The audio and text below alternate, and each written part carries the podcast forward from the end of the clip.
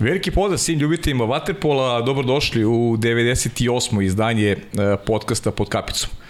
Nije nas bilo prošle nedelje, a napravit ćemo pauzu i posle današnje emisije od dve nedelje, taman pred Evropsko prvenstvo u Splitu, kada ćemo se e, baviti e, tim šampionatom. Naravno da je to centralni događaj ovog leta, kasnije počinju i klubska takmičenja, tako da ulazimo u jedan period sezone koji će biti vrlo zanimljiv svima vama koji volite ovaj sport. E, meni je zadovoljstvo što danas imam priliku da ugostim e, čoveka koji ima iza sebe zaista lepu karijeru, prilika eto da, da, da upoznate i onako jednu drugu stranu medalje, moma koji nije igrao za reprezentaciju Srbije, ali zato izvan granica ove zemlje napravio zaista lepu karijeru sportsku, uh, igrao i za reprezentaciju Francuske, čeka ga siguran sa lepa karijera i e, kada je u pitanju e, nastavak života, tako da e, verujem da ćete čuti brojne zanimljive teme vezano za organizaciju sporta u Francuskoj, za samo igranje njegovu u Marseju i svemu onome što ovu igru i čini tako izazovnom i lepom. Igor Kovačević sa mnom u studiju. Igore, dobrodošao. E, konačno smo se neko uklop, uklopili. Drago mi što si naš gost i ono klasično pitanje, verujem da si već pratio podcaste do sada, kako se osjećaš u ovom, na, u ovom našem divnom prostoru? Kao prvo, bolje te našao, hvala što si me pozvao u tvoju emisiju. E, meni je veliko zadovoljstvo da vidim ovaj, stvarno ovoliko e, suvenira koji imaju za sebe veliku istoriju imamo loptu s olimpijade, ima mnogo nekih kapica i ovaj, sva, svaki ovaj artikal ima neku svoju priču. I to je ono što čini meni omiljeni neki format podcast, čini ovaj, zadovoljstvo i da učestvujem i da ga gledam. Tako da sam veliki ovaj, fan tvog podcasta i naravno svi tvoji gosti prethodni koji su ovde bili, ja sam pogledao svaki podcast i želim ti da imaš ne 98, nego ovaj, da da ne brojimo više. Dođemo do 1000. No. Pa i, i preko 1000, jer uh, kako se ovaj kako vreme odmiče neki novi dolaze i ovi stari mislim da imaju i ovaj neke nove priče tako da bilo bi šteta možda i da da to ovaj ostane neispričano. E, al na šta ima stari odlaze? odlaze, ali ovaj, i menjaju se. I menjaju se. I nešto im se novo desi, tako da ovaj, možda to, i ono što možda su zaboravili, nisu rekli, možda neki drugi da, put. Da, da, ima, uvek, uvek ima prilike za više gostovanja, naravno, ali zašto sam rekao stari odlaze, pa upravo sedim sa jednim novopečanim penzionerom, Tako da, eto, želim ti ovaj, e, lepe penzionerske dane još ovo malo, jer već se okrećeš novom poslu, pa aj mi kaži za početak, ajde da krenemo od tog kraja. E, ili si prosto osetio da telo više ne može ili je posledica e, tvoje odluke je eto, upravo to što sledi po, po, po završetku karijere? Pa prvi neki kontakt kada ću da završim uopšte karijeru dolazi iz neke 2018. godine gde preko puta mene sedi predsednik mog kluba, Paul Lesja, čovjek od 80, tada 4 godine i pita me, Igore, šta ćeš posle? Ja kažem, kada posle? Mislim, igramo, kao osvajamo. Pa kažem, dobro, to je lepo u životu, igramo, osvajamo, igramo sport, ali ovo, šta ćeš posle sporta? Ja mu kažem, pa eto, studiram, završio sam ekonomski fakultet, pa kao, znaš šta ćeš da radiš? Pa rekao, ne znam. E, pa kaže, sad ćemo da mi smislimo. Ja kažem, dobro, onako malo čudno, ali uh mhm. -huh. teško pitanje. Kaže on, hoću da dođeš za sedam dana da mi kažeš šta želiš da radiš u životu i klub će da ti pomogne. Ja sad kući, šta sad, kao ajde smišljaj nešto, pa ostao bi u sportu, pa uvek nekako ono prvu ruku hoćeš da budeš trener, ili to što si naučio nekako meni je prirodno da to nekome i ovaj prenesem. Uh mhm. -huh. I sad, ajde, prva opcija, trener. Druga opcija, pa kad si već tu, pa što ne bi možda bio neki sportski direktor, rekao, aj stavit ćemo i to, šta kad prazan papir možda staviš šta hoćeš. Mhm. -huh. Preko treća opcija, pa ajde da vidimo neke te igračke probleme, probleme sportiste uopšte koje sam video, čuo uh mhm. -huh. i ovaj koji me interesuju, to je šta mi radimo sa ovaj, našim životima tokom sporta i kako možemo to što nešto zaradimo da iskoristimo dalje.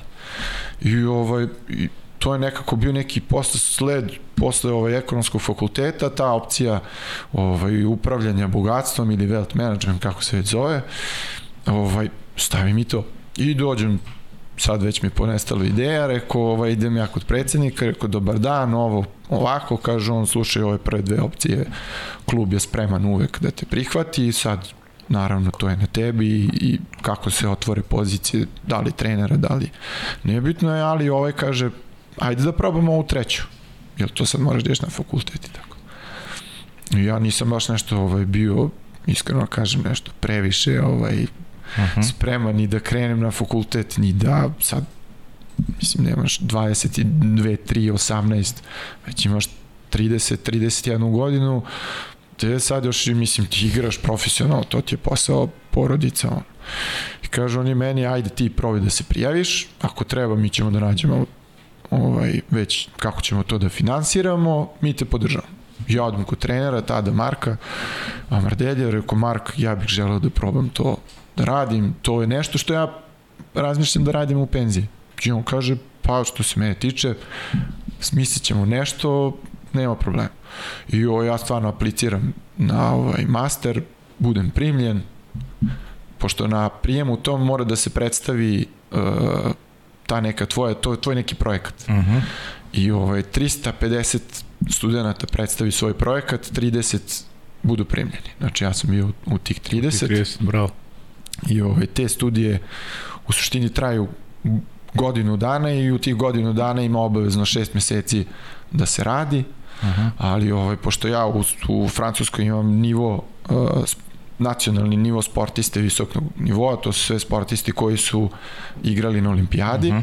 znači mi onda imamo neke olakšice. A olakšica je da ovaj, taj dan kada ne dođem ne dobijem minus, nego uh -huh. se opravda preko sporta, ali ovaj profesor ti to debelo zapamti tako da ta olakšica se naplati na neku drugu stranu. I ovaj I onda sam godinu dana u suštini studirao, igrao, ali ove, te studije su bile u gradu pored, tako da onako bilo je to neka organizacija malo ozbiljnija i tada onda se javi taj crv u glavi, e, da li si umoran, e, da li, ne znam, možeš, da li povreda koja je bila, da li je ozbiljna ili nije i, ovaj, i iskreno tad sam imao više energije nego ikad. Mhm. -huh. Znači, ustajanje u, u 5 do 6, išao sam trotinetom do autobusa, autobusom na fakultet, tamo odradim šta imam, vratim se, trenirao sam tri dana jednom dnevno, ovo ostalo sam normalno sa ekipom trenirao, ali ovaj, onda sam imao možda i veći motiv da više radim.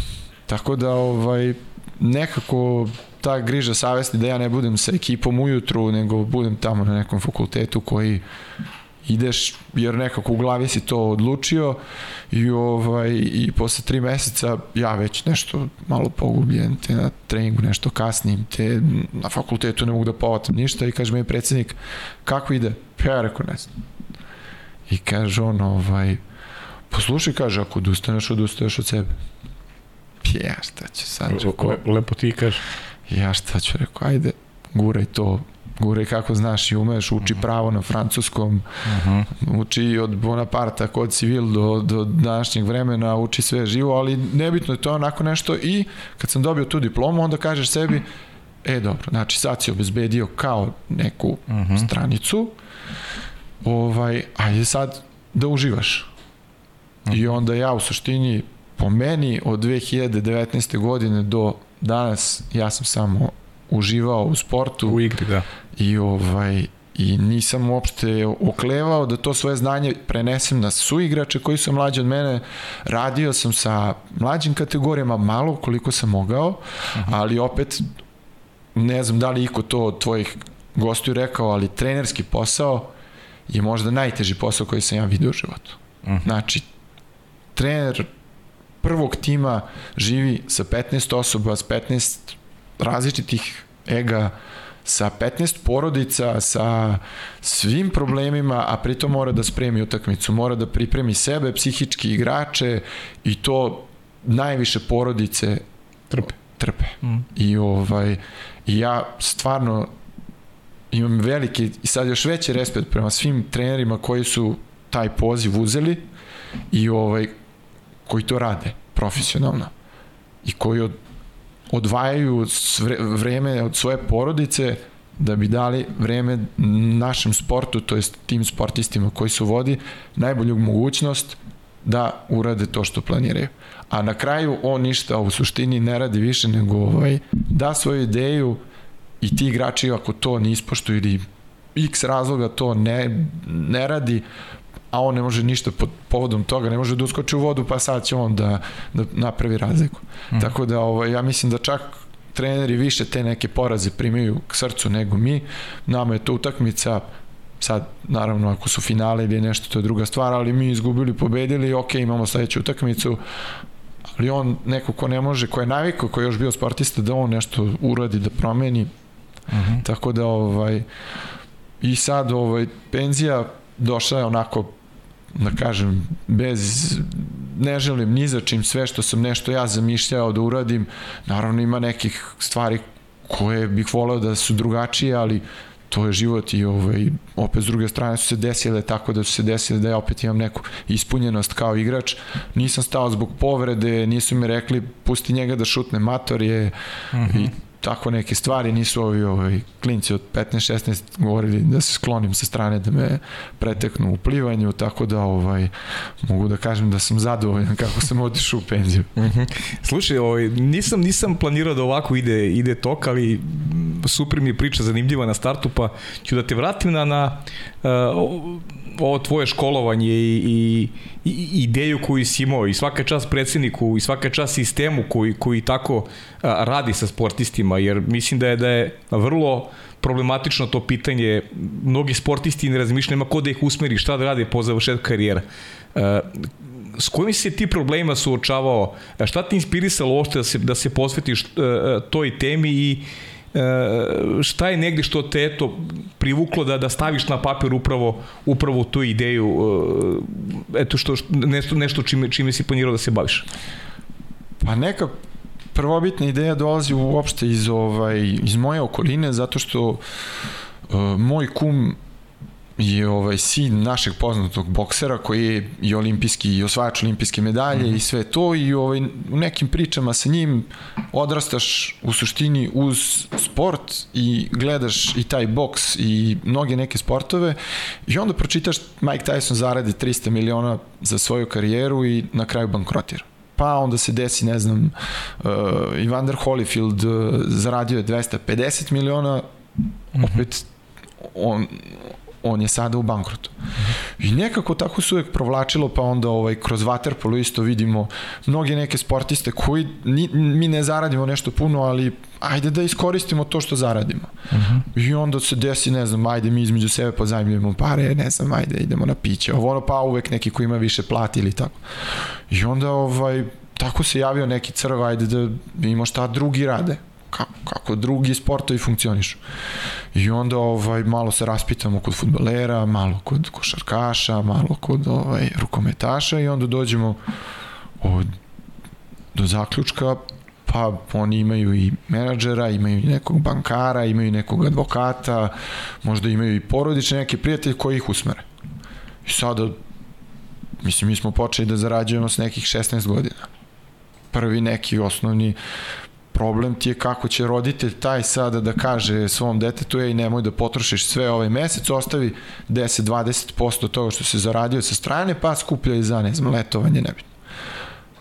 I mislim da odatle to počinje. Mhm. -huh. Ja sam imao tu sreću stvarno da ovaj, moji roditelji su mi tako odgajili da imam to poštovanje prema svemu što zaradim i da uvek ostavljam sa strane za ne daj Bože ili za nešto za što volim kompjuter ili tako. Tako da je to nešto krenulo. I onda malo ovaj, kad sam ušao u knjige i tako to, pošto volim da čitam, onda vidiš da tu postoji ozbiljan sistem. Mhm. -huh. I ovaj, I onda u razgovoru sa uh, sportistima iz raznih ovaj, sportova, rukomet, uh, košarka, čak i neki futbaleri, do, onako došli smo do zaključka da oni čak imaju i školice.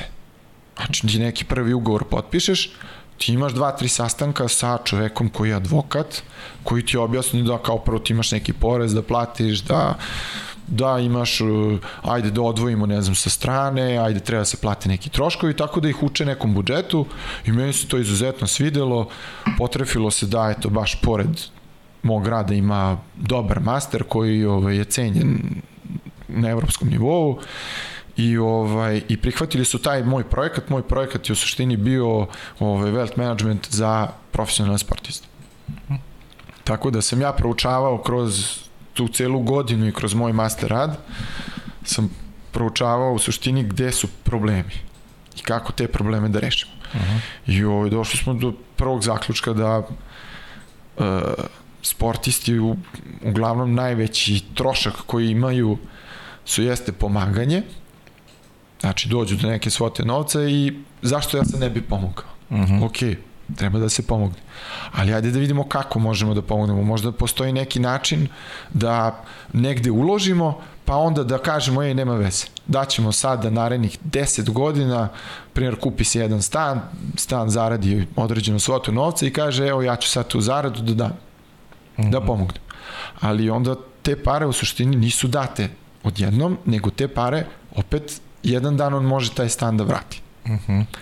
Tako da ovaj tako imaju neke male šemice koje se postave na početku, taj sportista ovaj se obuči da on to prati i posle samo stvar da pazi ovaj na ljude iz okruženja koji imaju izuzetno dobre biznis ideje mhm. koje će da zarade za godinu dana milione i onda ovaj uh, to uglavnom uh, bude kafić, da. kafić, restoran. -huh. to je ovaj ono što najbolje znamo, to je sedneš, vidiš, tu ćeš imati 100 kafa, kafa ti je ovoliko, ti ćeš to da zaradiš i za tri godine ovaj, više si uložio nego što si zaradio i ovaj, pošto sve ti dolaze prijatelji, onda ovaj, ne naplatiš pola i to tako ide, da, uglavnom. Mm. Ili ovaj, x neke ideje, ali u suštini to je neki problem koji sam ja kroz moj master došao do nekog mog zaključka i mog viđenja kako to treba da se radi. Uh mhm. -huh. ovaj, I to sam primenio u praksi. Šta znači praksa, Igore? Praksa je da sam radio u uh, firmi koja je specializovana za uh, za taj wealth management i bio sam direktor sektora za sportiste. Uh mhm. -huh. I ovo raznih profila uh, i što se tiče zarade i što se tiče uh, sporta, znači različiti sportovi. Uh, u Francuskoj su to uglavnom taj moj, moj kabinet, tako se zove kabinet, ovaj, je bio specializovan za uh, ragbi, rukomet i košarku. Imali smo i futbalere, ali nismo imali puno. Tako da sam ja onda došao s nekom idejom, znači da neki sportista koji zaradi i prosečnu platu mora da ima ovaj i to je bio jedan od mojih uslova da počnem da radim znači da svako ima pristup tome. Uh mhm. -huh. Jer u određenim tim sektorima imaju uh, nivoji. Prvi nivo moraš da imaš tipa milion eura da dođeš uopšte da dobiješ takav savet. Ja sam rekao to ne može. Ako ćemo da radimo, čovjek koji ima 100 eura da uloži, imaju ugovori koji oni mogu da kupe, koji će uh mhm. -huh. njima da prave isto to koji je ovaj od milion eura.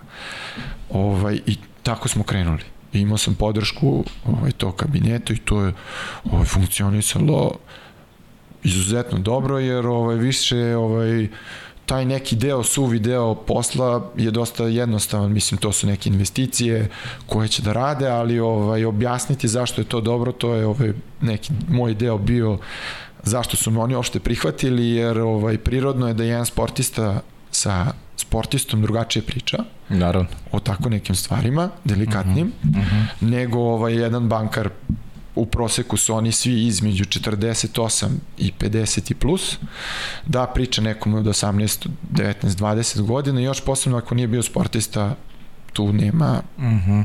više od 5 minuta, nema, nema razgovora. Uh -huh. Jer jednostavno sportista neće da se otvori sa svojom problematikom i ne prihvata ne prihvata ništa. Uh -huh.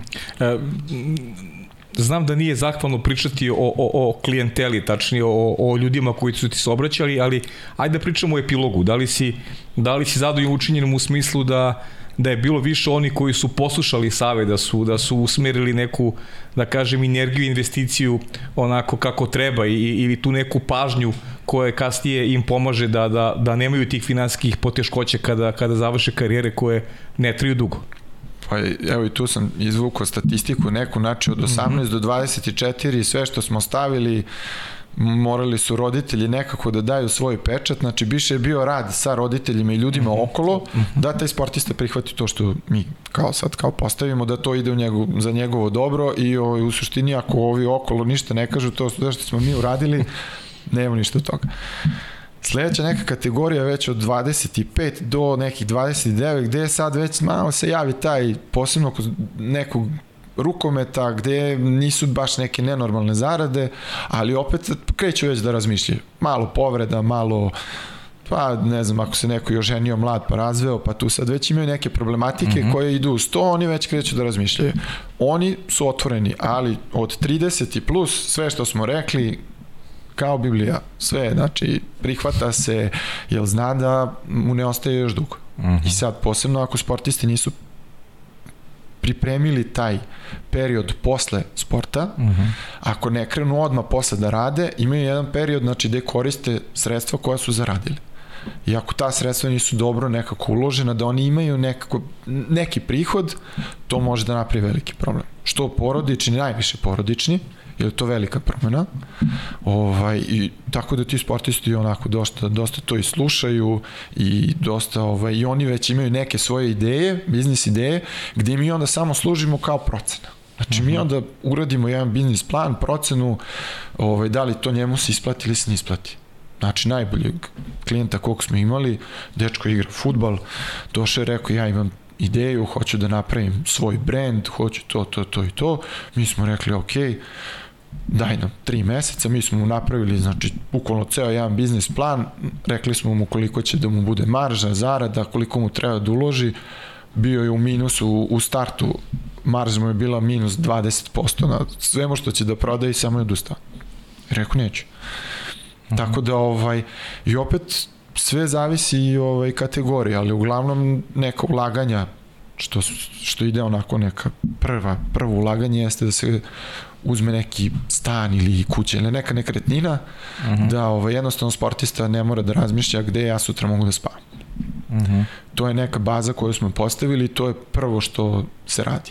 Pravi se, znači ostavljaju se pare sa strane da ima za uh, učešće u kreditu ili ako naravno zarađuje da može da kupi. Uh mhm. -huh. E onda odatle se ovaj razvija dalje.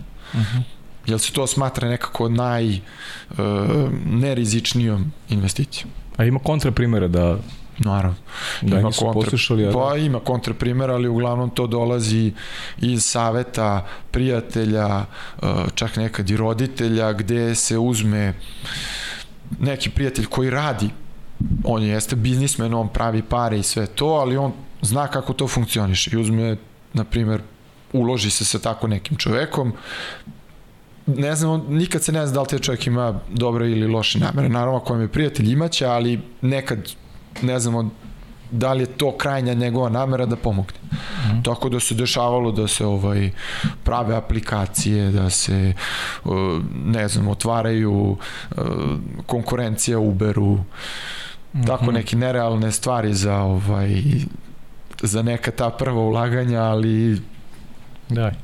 Bilo je, bilo je, ali uglavnom kad se jednom opeku onda... A šta te rukovodi da recimo eto hoćeš da budeš konkurenciju Uberu ili to misliš da si veliko sportsko ime pa misliš da će neko ovaj tebi više da veruje ili prosto ili prosto ti si negde zanesen upravo to, nemaš neki neki jasan biznis plan, nemaš ko pravilno da te usmeri pa pa kreneš, kreneš ka tim, ka tim nekim pogrešnim koracima. Da li, da li su to osobe koje, koji dalje sebe doživljavaju kao neko ko je voljen, ko je vrhunski sportista, a to sa biznisom nema nikakve veze? Pa momak, konkretno momak koji je imao tu ideju, on je stvarno poznat, uh mhm. -huh. poznat sportista i ovaj, jednostavno naš taj možda sportski ego, gde mi u sportu stvarno ti imaš samopouzdanje da ćeš da pobediš. Mm -hmm. I sad ako malo kreneš van svoje neke sfere da imaš ovaj, to samopouzdanje, preneseš i idemo, idemo, idemo, idemo. Mm -hmm. To idemo, idemo, idemo, mora da ima neku ovaj, određenu biznis plan, znači mora da ima neku granicu. Jer ovaj, uvek ti možeš da budeš sportista i da zaradiš ne znam koliko kad ti dođe jedan investicioni fond koji može da stavi 10 milijardi i ako propadne, nema veze. A ti uložiš svoje pare i ovaj, šta ćeš posle? Mm. I onda ovaj, tokom istraživanja master rada sam ovaj, možda ja najveći deo pričao sa psihologom. Uh -huh. Gde ovaj, posebno sportisti koji taj deo nisu uradili, znači prvo je ovaj, finansijski da se snađu kako u suštini da ne žive svake godine od toga zaradim, potrošim pa ću posle sledeće godine da zaradim. Ajde da zaradim, ostavim pa još da zaradim, da ostavim i možda to nešto uložim pa bude još nešto sa strane, to je okej. Okay. E onda se dođe do nekog nivoa i onda taj sportista upadne u depresiju. I depresija u sportu je jako veliki problem. Uh mhm. -huh. Redko ko priča, redko ko će to da prizna, ali depresija je jako veliki problem. Uh mhm. -huh. I onda ovaj sportista koji je nezadovoljan sa sobom donosi pogrešne odluke. Još ako ima poroka, hvala Bogu, mm. mnogi sportisti imaju neki svoj porok.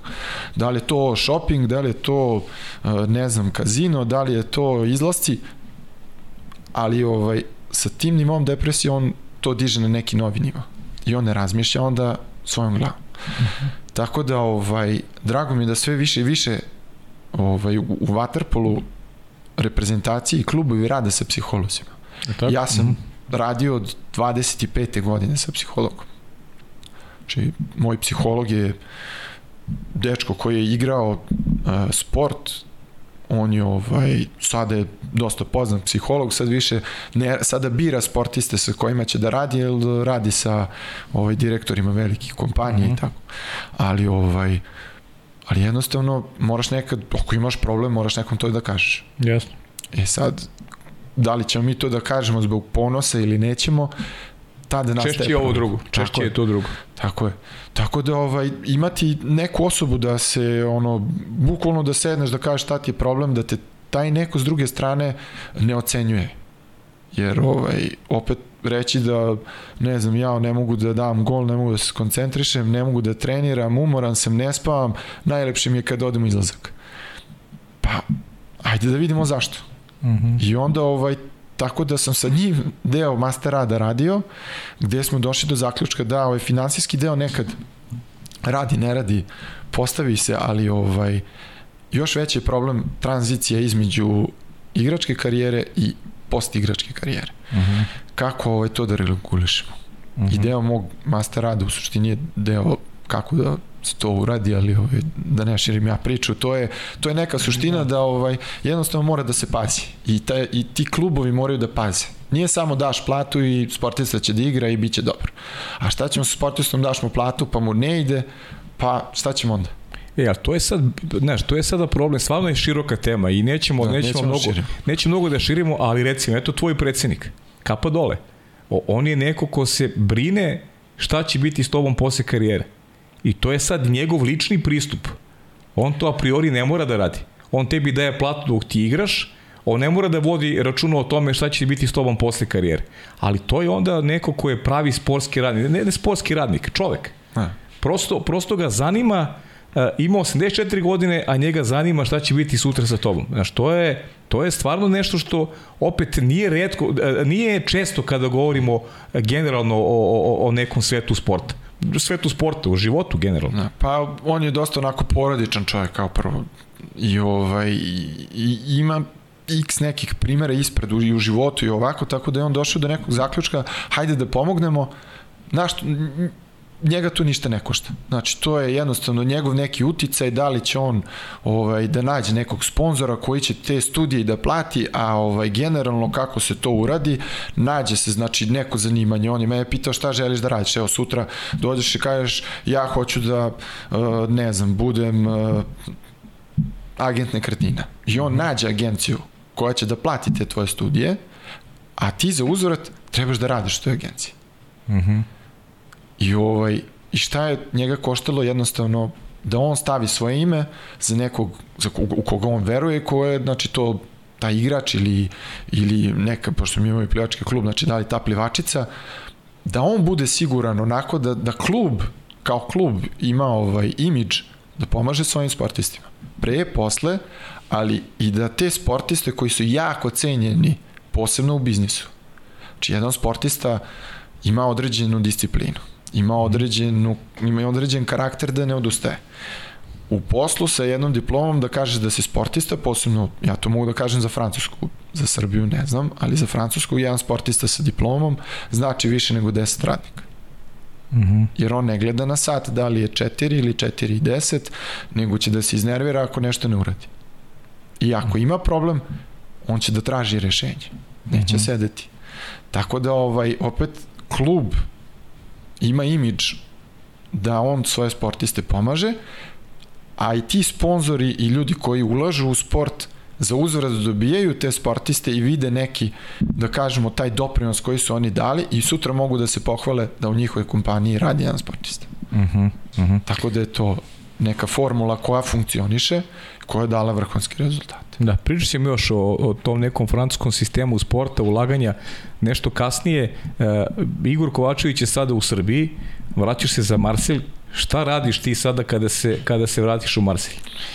Sad kad se vratim u Marsilj imam ovaj, prvo malo da odmaram, da se mhm. odmorim i ovaj, malo da više budem sa porodicom.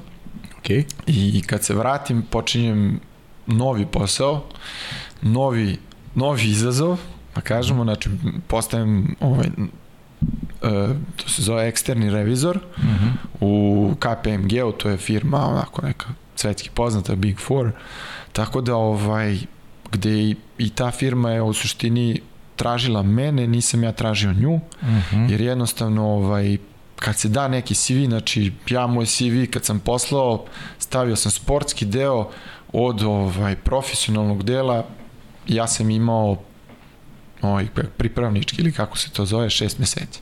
Uh mhm. -huh. I imao sam naravno ovo što sam radio ovaj, tokom kabineta i jednostavno su rekli ili bi ti došao da radiš kod nas ja kažem pa dobro, zainteresovan sam i oni mi kažu ovaj, nama se sviđa ovaj, što si sportista, diploma je samo deo. Znači diploma, studije, to je nešto što to je jednostavno ne, nešto što moraš da znaš da imaš osnovu. Pošto ćeš posle sve jedno, jednostavno da naučiš to. I oni kažu ovaj, ali nama treba menadžerski deo. Kažem šta vam je menadžerski deo? Pa kaže ovaj ti igraš kolektivan sport. Ja kažem pa da. Pa kaže ovaj pa kako funkcioniše kolektiv i sad neke priče sportske, vamo, tamo i kaže on je pa nama to treba kaže ti ćeš da radiš ovaj deo koji moraš da radiš revizorski ali kaže ovaj tu će biti jedno desetak tvojih kolega koji nisu sportisti, znači oni su studenti koji su došli to uh mhm. -huh. ozbiljan nivo studija oni imaju za sebe. Da ih organizuješ. Gde ja dolazim koji nemam ozbiljan nivo uh mhm. -huh. ovaj kažemo taj staž revizorski, ti dolazim sa nečim drugim, što on meni kaže, pa da, ali ti imaš, kaže, svoje iskustvo. Imaš svoje profesionalno neko vaterpolo, to je sportsko iskustvo koje oni nemaju. I kaže, to je to, je to što mi tražimo.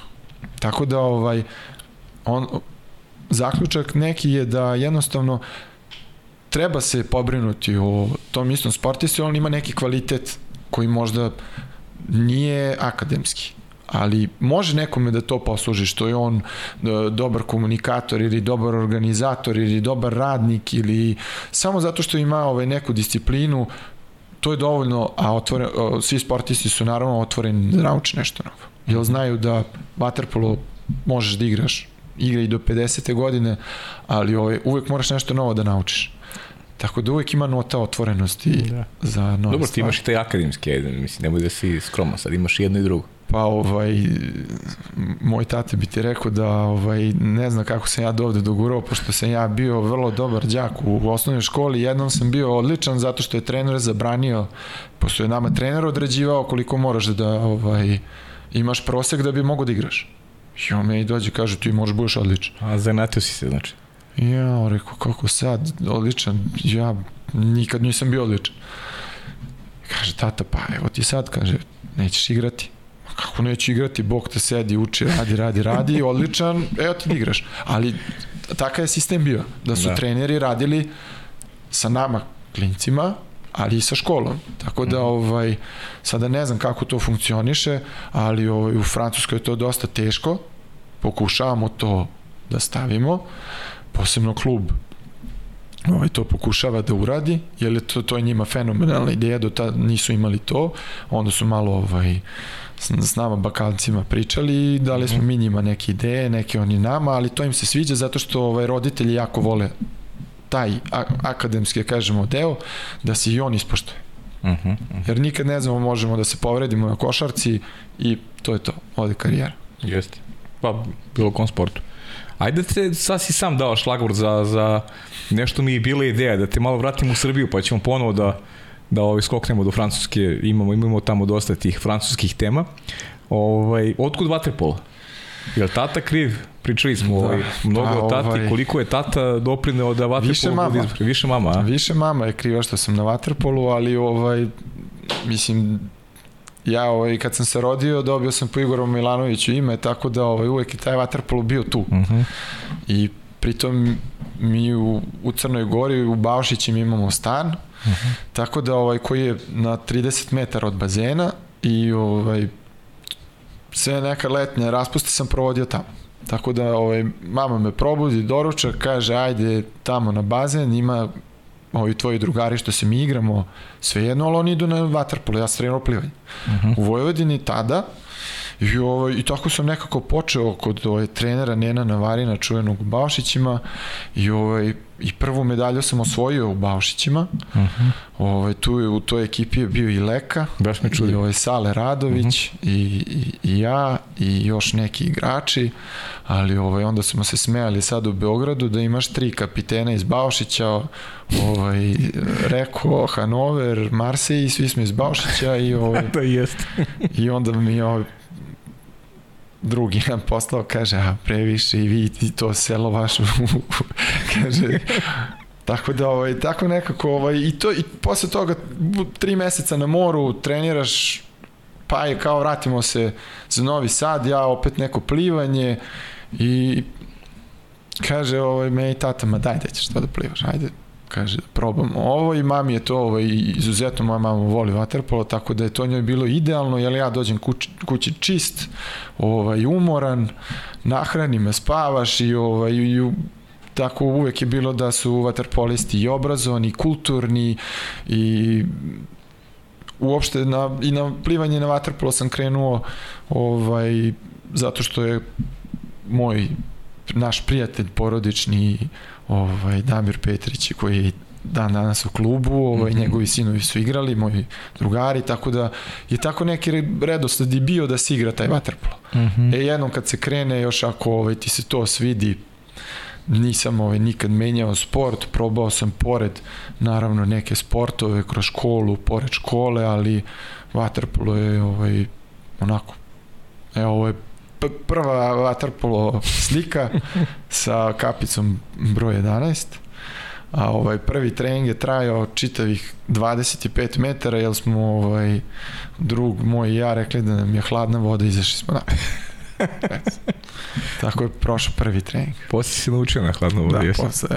A ovo je, ovo je prvi, prva reprezentacija, to jest juniorska, tu, ovaj, tu je i Prle. Ko su tu? Tu je Andrija, znači je tu. Prle, Aha. tu ti je Sale Radović. Sale Radović. Uh, ima još dosta tu ovaj, igrača, ali ovaj selektor je Pera Kovačević. Nadam se će tad... Sali biti gost ovde da. u podcastu. Filip, Fali, Filip isto tu, ali ovaj nije se slikao. Negde je bio. Aha. Ovaj, ali meni je interesantno zato što je tu ovaj Pera Kovačević, Pera Kočić, aha. Ovaj kojem se tata zove Igor, tako da je njemu tata bio na pripremama I ovaj i posle ovaj Pera bio u Marseju kad sam ja došao, bio mi yes. trener. Uh mhm. -huh. Tako da ovaj kad pogledaš na kraju ostaju ti uspomene neke lepe. Ali na taj neki prvi, naravno u Vojvodini je ovaj potrefio se da bude i ok generacija i taj razvoj kroz mlađe kategorije Vojvodine koji je pokazao da može da izbaci pa da budemo iskreni u to vreme talenata. Partizan i Vojvodina su neko da. lansirali da. najviše igrača u, u ali Vojvodina je imala i taj kult ja se sećam na primjer 99. godine kad je bilo bombardovanje mi smo trenirali znači imali smo pored trčali ne znam i tako to uh, taj klub se i voleo, znači juniori, mi smo dolazili da gledamo, jako je Vojvodina igrala i drugu ligu i prvu ligu, mm -hmm. nije bilo bitno, bitno je ovaj, da se gleda taj klub i onda je došla generacija Dule, uh, Rađen, Gojko i tako ta mhm. neka ekipa gde ovaj to je razlika 4-5 godina sa mnom gde su ti oni uzori. Mm -hmm. I sad ti gledaš njih, oni su bili prvaci ovaj, Jugoslavije i tako ono, dominantna jedna generacija Vojvodine kako ti sad da, ne znam, promeniš sport, pa tako imaš ono, neke uzore ispred sebe gde gledaš Baneta koji tada nije imao ovoliko mišića, ali mislim ne možeš da gol da mu daš pošto dira stative. Uh. -huh. I onda, znaš, tako nekako ovaj, odrastaš uz njih i onda imaju ove generacije iza koje dođu u nekom trenutku ovaj, da igraju sa tobom, a tu uglavnom smo svi živeli u nekom krugu od 10 km oko bazena, tako da svi se poznajemo između sebe, tako da ovaj, Vojvodina je stvorila tako jedan, da kažemo, jedan lep, lepu atmosferu, uh -huh. gde ti juniori gledaju seniore koji možda nisu najbolji na svetu, ali opet su za njih tako neki uzori i ovaj tako je to funkcionisalo, sad isto funkcioniše nekom možda manjem nivou, ali opet ta školica radi. Da, da, da. Bogu hvala što radi. Tako je. E, šta ste ti kažem, ovaj, e, pričao si o predsedniku Marseje, imao si ti naravno i i tata je bio taj koji ti isto nije dao da, da odustaneš. Svako od nas je neka teo da odustane, od sebe odustaješ, zaista, to je, to je prava definicija. Kada odustaješ, odustaješ od sebe imao si, imao si tu podršku, pa aj kaži mi, eto pričaj malo o tom nekom periodu nekog sa, sazrevanja, nekih uzora, e, šta te je dodatno nešto motivisalo u, u samom sportu, e, kako si sebe negde percipirao kada kada pričamo generalno o waterpolu i da li si da li si osetio da prosto da prosto za tebe ima mesta da da da da, da negde ostvariš sebe kroz kroz ovaj sport? Pa iskreno ovaj tokom, mislim, ja sam dosta kasno ušao u pubertet, zvali su me mali, imao sam mhm. ovaj par nekih nadimaka, Aha. prvi u reprezentaciji bio Komarac, onda sam imao mali i mali i dalje ostao, tako u nekim krugovima. Aha. Ovaj, I dosta sam onako bio i mršav i nizak i nekako uvek sam morao da radim više uh -huh. od drugih. Uh -huh. I, ovaj, I hiljadu puta možda bila i neka nepravda da ja ne igram, da nisam selektovan, da... Mm -hmm. I to najgori period negdje, ono gde sam ja morao da prihvatim mnoge neke stvari koje možda ne bi trebao da prihvatim, mm -hmm. je neko odrastanje između 15. i 18. godine. Znači, to je neko to razvijanje gde neki, čak i moji kumovi, i oni su igrali vaterpolo, mm -hmm. ovaj, ali su oni fizički duplo veći od mene. Znači, oni dođu do nekog prvog tima ili igraju za neku stariju kategoriju. Ja ne igram. Znači ti sad i sada tu ide ta podrška roditelja prvenstveno i ovaj moj otac je bio vojno lice, to je rad, red, disciplina, ne možeš ti tu sad nešto da mrdaš, znači nema tu izlazaka, nema, imaš školu, imaš vaterpolo i to ti je to. Mhm. -huh. Či ne možeš ti da se baviš sportom kao, ej, bavim sportom, budem lep ne može to kod mog oca nije moglo, znači ti si tu i ti si da radiš, znači moraš da radiš. I uvek je govorio, pa jednom će to da se vrati. Ja kažem, kad će bre više da se vrati? ne znam, trenere, trenere, trenere, pa ne odim, ne znam, na pripreme. Pa trenere, trenere, trenere, pa ne uđem u prvi tim. Pa trenere, trenere, trenere, ali opet treneri su videli potencijal, ali mhm. jednostavno kad to fizički ne može da isprati u tom trenutku. Uh -huh. Uh -huh. I, o, I sad ti ako tu odustaneš, to je to, ti si odustao, ti nemaš više mogućnost da ti možda odrasteš, tako ojačaš. Uh mhm. -huh. I ovo je tako da odustajanje nije bila neka ovaj opcija, nije mhm. -huh. postojala, nego je bilo samo još više da radiš. Mhm. -huh. I ovaj, onda igrom slučaja ovaj, čak budem i pozvan za neku reprezentaciju, pa treniram celo leto u Beogradu, pa ne budem selektovan, pa onda malo se razočaraš, pa onda opet pa isplatit će ti se to, vidjet ćeš, nemoj. Opet pa, to tate, opet tata pa ja taj koji, koji je psiholog pa, i tata. Mama isto mhm. tata, mm. tako i onda mm. ovaj, i naravno prijatelji. Mm -hmm. Prijatelji, svi, znači moji prijatelji koji imam, sportisti i ovaj i uvek je neko takmičenje. Znači, da li igramo šah, da li igramo košarku, to mora se pobedi. A smo naravno odlazili na boks, ovaj, odem igramo futbol, pa malo boksujemo, pa onda malo tu slušaš da nije sve kao ja, trener me ne voli, a ovaj dođe tamo isprebijaju ga, kaže pa i me trener ne voli, pa sam ja dobio batina, nije kaže trener dobio batina, kaže ja sam kriv. Mhm. -huh. ti staneš, pa ajde ja malo više da radim, pa dođeš ranije na trening, pa ostaneš kasnije, pa dođeš van mhm. -huh. treninga, tako da i ta okolina dosta uticala. Mhm. -huh. Ovaj, na to da je sport nešto gde ovaj, moraš da radiš i čekaš svoju priliku. Uh -huh. Da li će prilika da dođe ili neće, to ima x faktora. Uh -huh. Stvarno x faktora koji ti ne možeš da utičeš. Tako da, ovaj, da, roditeljska podrška je bila jako velika u, uh -huh. u svemu što sam radio, ali i ovaj podrška prijatelja. Uh -huh. 2007. si bio na priprema za juniorsku reprezentaciju između ostalog i... To je bila ovaj, juniorska kadetska. Juniorska kadetska, da. da. I univerzitetska. Ko je, ko je i univerzitetska? Tu, tu, si negde, tu si negde bio, ideš, ne ideš i na kraju... Pa da, igrao sam jedan turnir u, u Izraelu sa reprezentacijom, posle tog turnira je bila univerzijada na koju sam trebao da idem, ali nisam otišao zbog nekog razloga, tako mm -hmm. je mhm. bilo odlučeno malo se razočaraš, ali ono, nastaviš da igraš, pa što sam ja igrao u Vojvodini u prvom timu, ajde, igramo ima sledeću sezonu. Tako. Tako da, ovaj, ali, e, pošto sam imao iskustva malo ranije, onda mi nije to teško nešto padalo, mislim, to je samo meni budilo još veći ovaj, inat, uh mhm. -huh. da radim i da ovaj, pokažem da ja imam neki kvalitet. Uh mhm. -huh. Znači, svi su imali neki kvalitet, pa imam ja neki kvalitet. Uh mhm. -huh. Tako da onda ovaj, onako neki ponos, kažemo, ajde sad malo i da ovaj, i ojačamo i da radimo i Teretana. uvek sam se, pa da, ali nisam ja nešto fizičkim, da sam daleko od, ne znam, od Filipa ili od nekog, uh -huh. ali jednostavno, hajde možda da radim ja više od njega. Uh -huh hajde da probamo, možda to funkcioniš, pa hajde da ovaj, možda malo više slušaš taktiku ono, trenera, ne da bude jaca ovaj priča, znaš. Uh mhm. -huh. Tako da ovaj, ta neka disciplina da jednostavno probaš i sam sebi da dokažeš da ti možeš, me je motivisala da ono, guram, pa i ako bude neka neprilika, nema veze i mi idemo dalje. E, Banja, ajde da pusti jedno, jedno video pitanje pa da nas timo priča. Ćao, pozdrav svima u studiju. Ovde je zvanični postavljač pitanja podcasta pod kapicom. E, imam par pitanja za promenu. E, tačnije dva. Zanima me koji je tvoj nadimak, da li podelio s nama i kako si ga dobio. I druga stvar, da li si ikad zažalio što si otišao iz Vojvodine. Verujem da iz ove perspektive ne žališ ni za čime, ali eto, da li si u nekom momentu tokom boravka u Marseju zažalio. Toliko od mene, pozdrav. Pozdrav za Bo Borisa. Pa podelio sam Boris. nadimak, u suštini je Mali Mrgud. Mali Mrgud? Da, ovo je Mali Mrgud.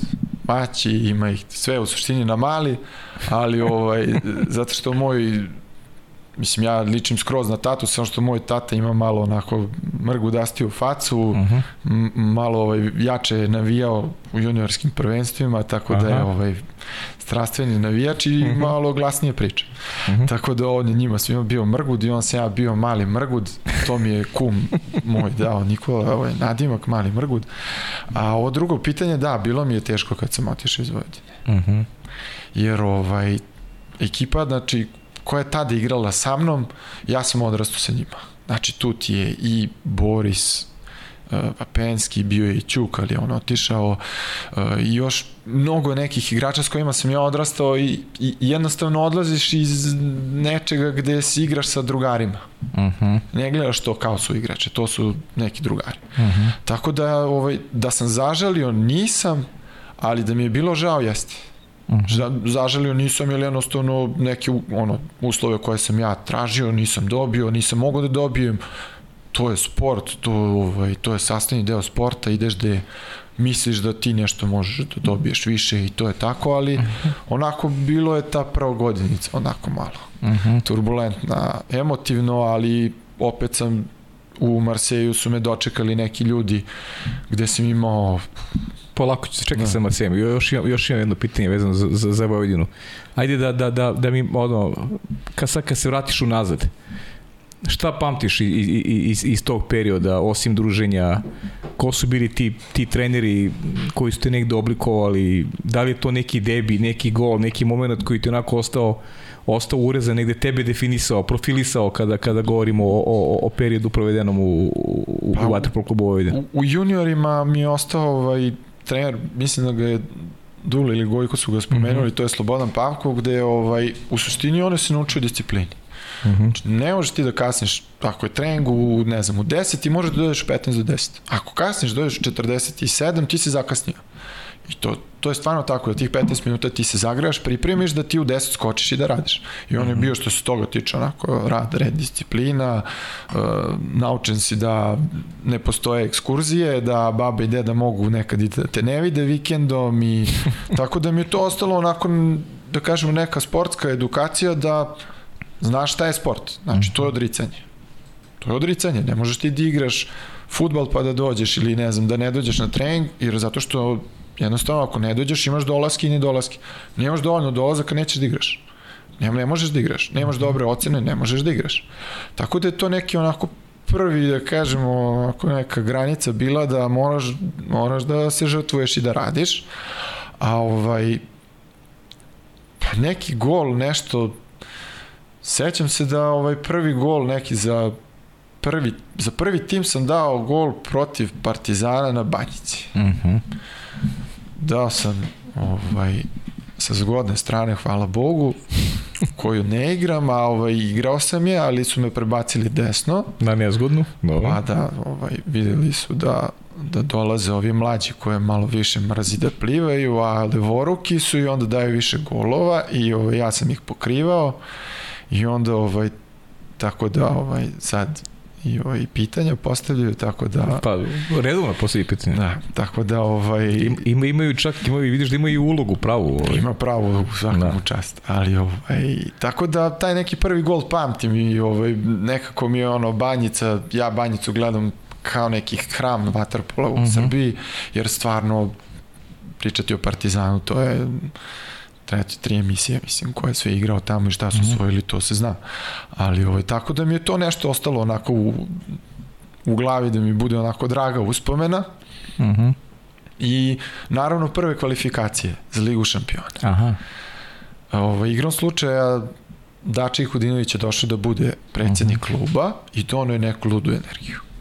Znači, Dejan Stanović ima ludu energiju kao trener i onda još dođe Dača koji, mislim, nama je on, ono, svima idol i dođe i kažemo, ovi ćete se kvalifikovati. I ono, ko, šta mislim, mi radimo, imamo mi neke kao uspehe i to sve, ali realno tada nije bilo kao da ćemo mi da se kvalifikujemo. I posloži se ekipica, odemo mi u Atinu na, na, ovaj, na kvalifikacije i kvalifikovali se.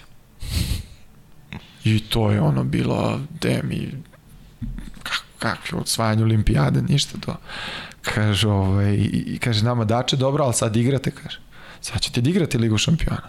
I sećam se, igrali smo, ovaj, grupa nam je bila Mladost, mhm. -huh. Zagreba, Jadran, Barceloneta i mi.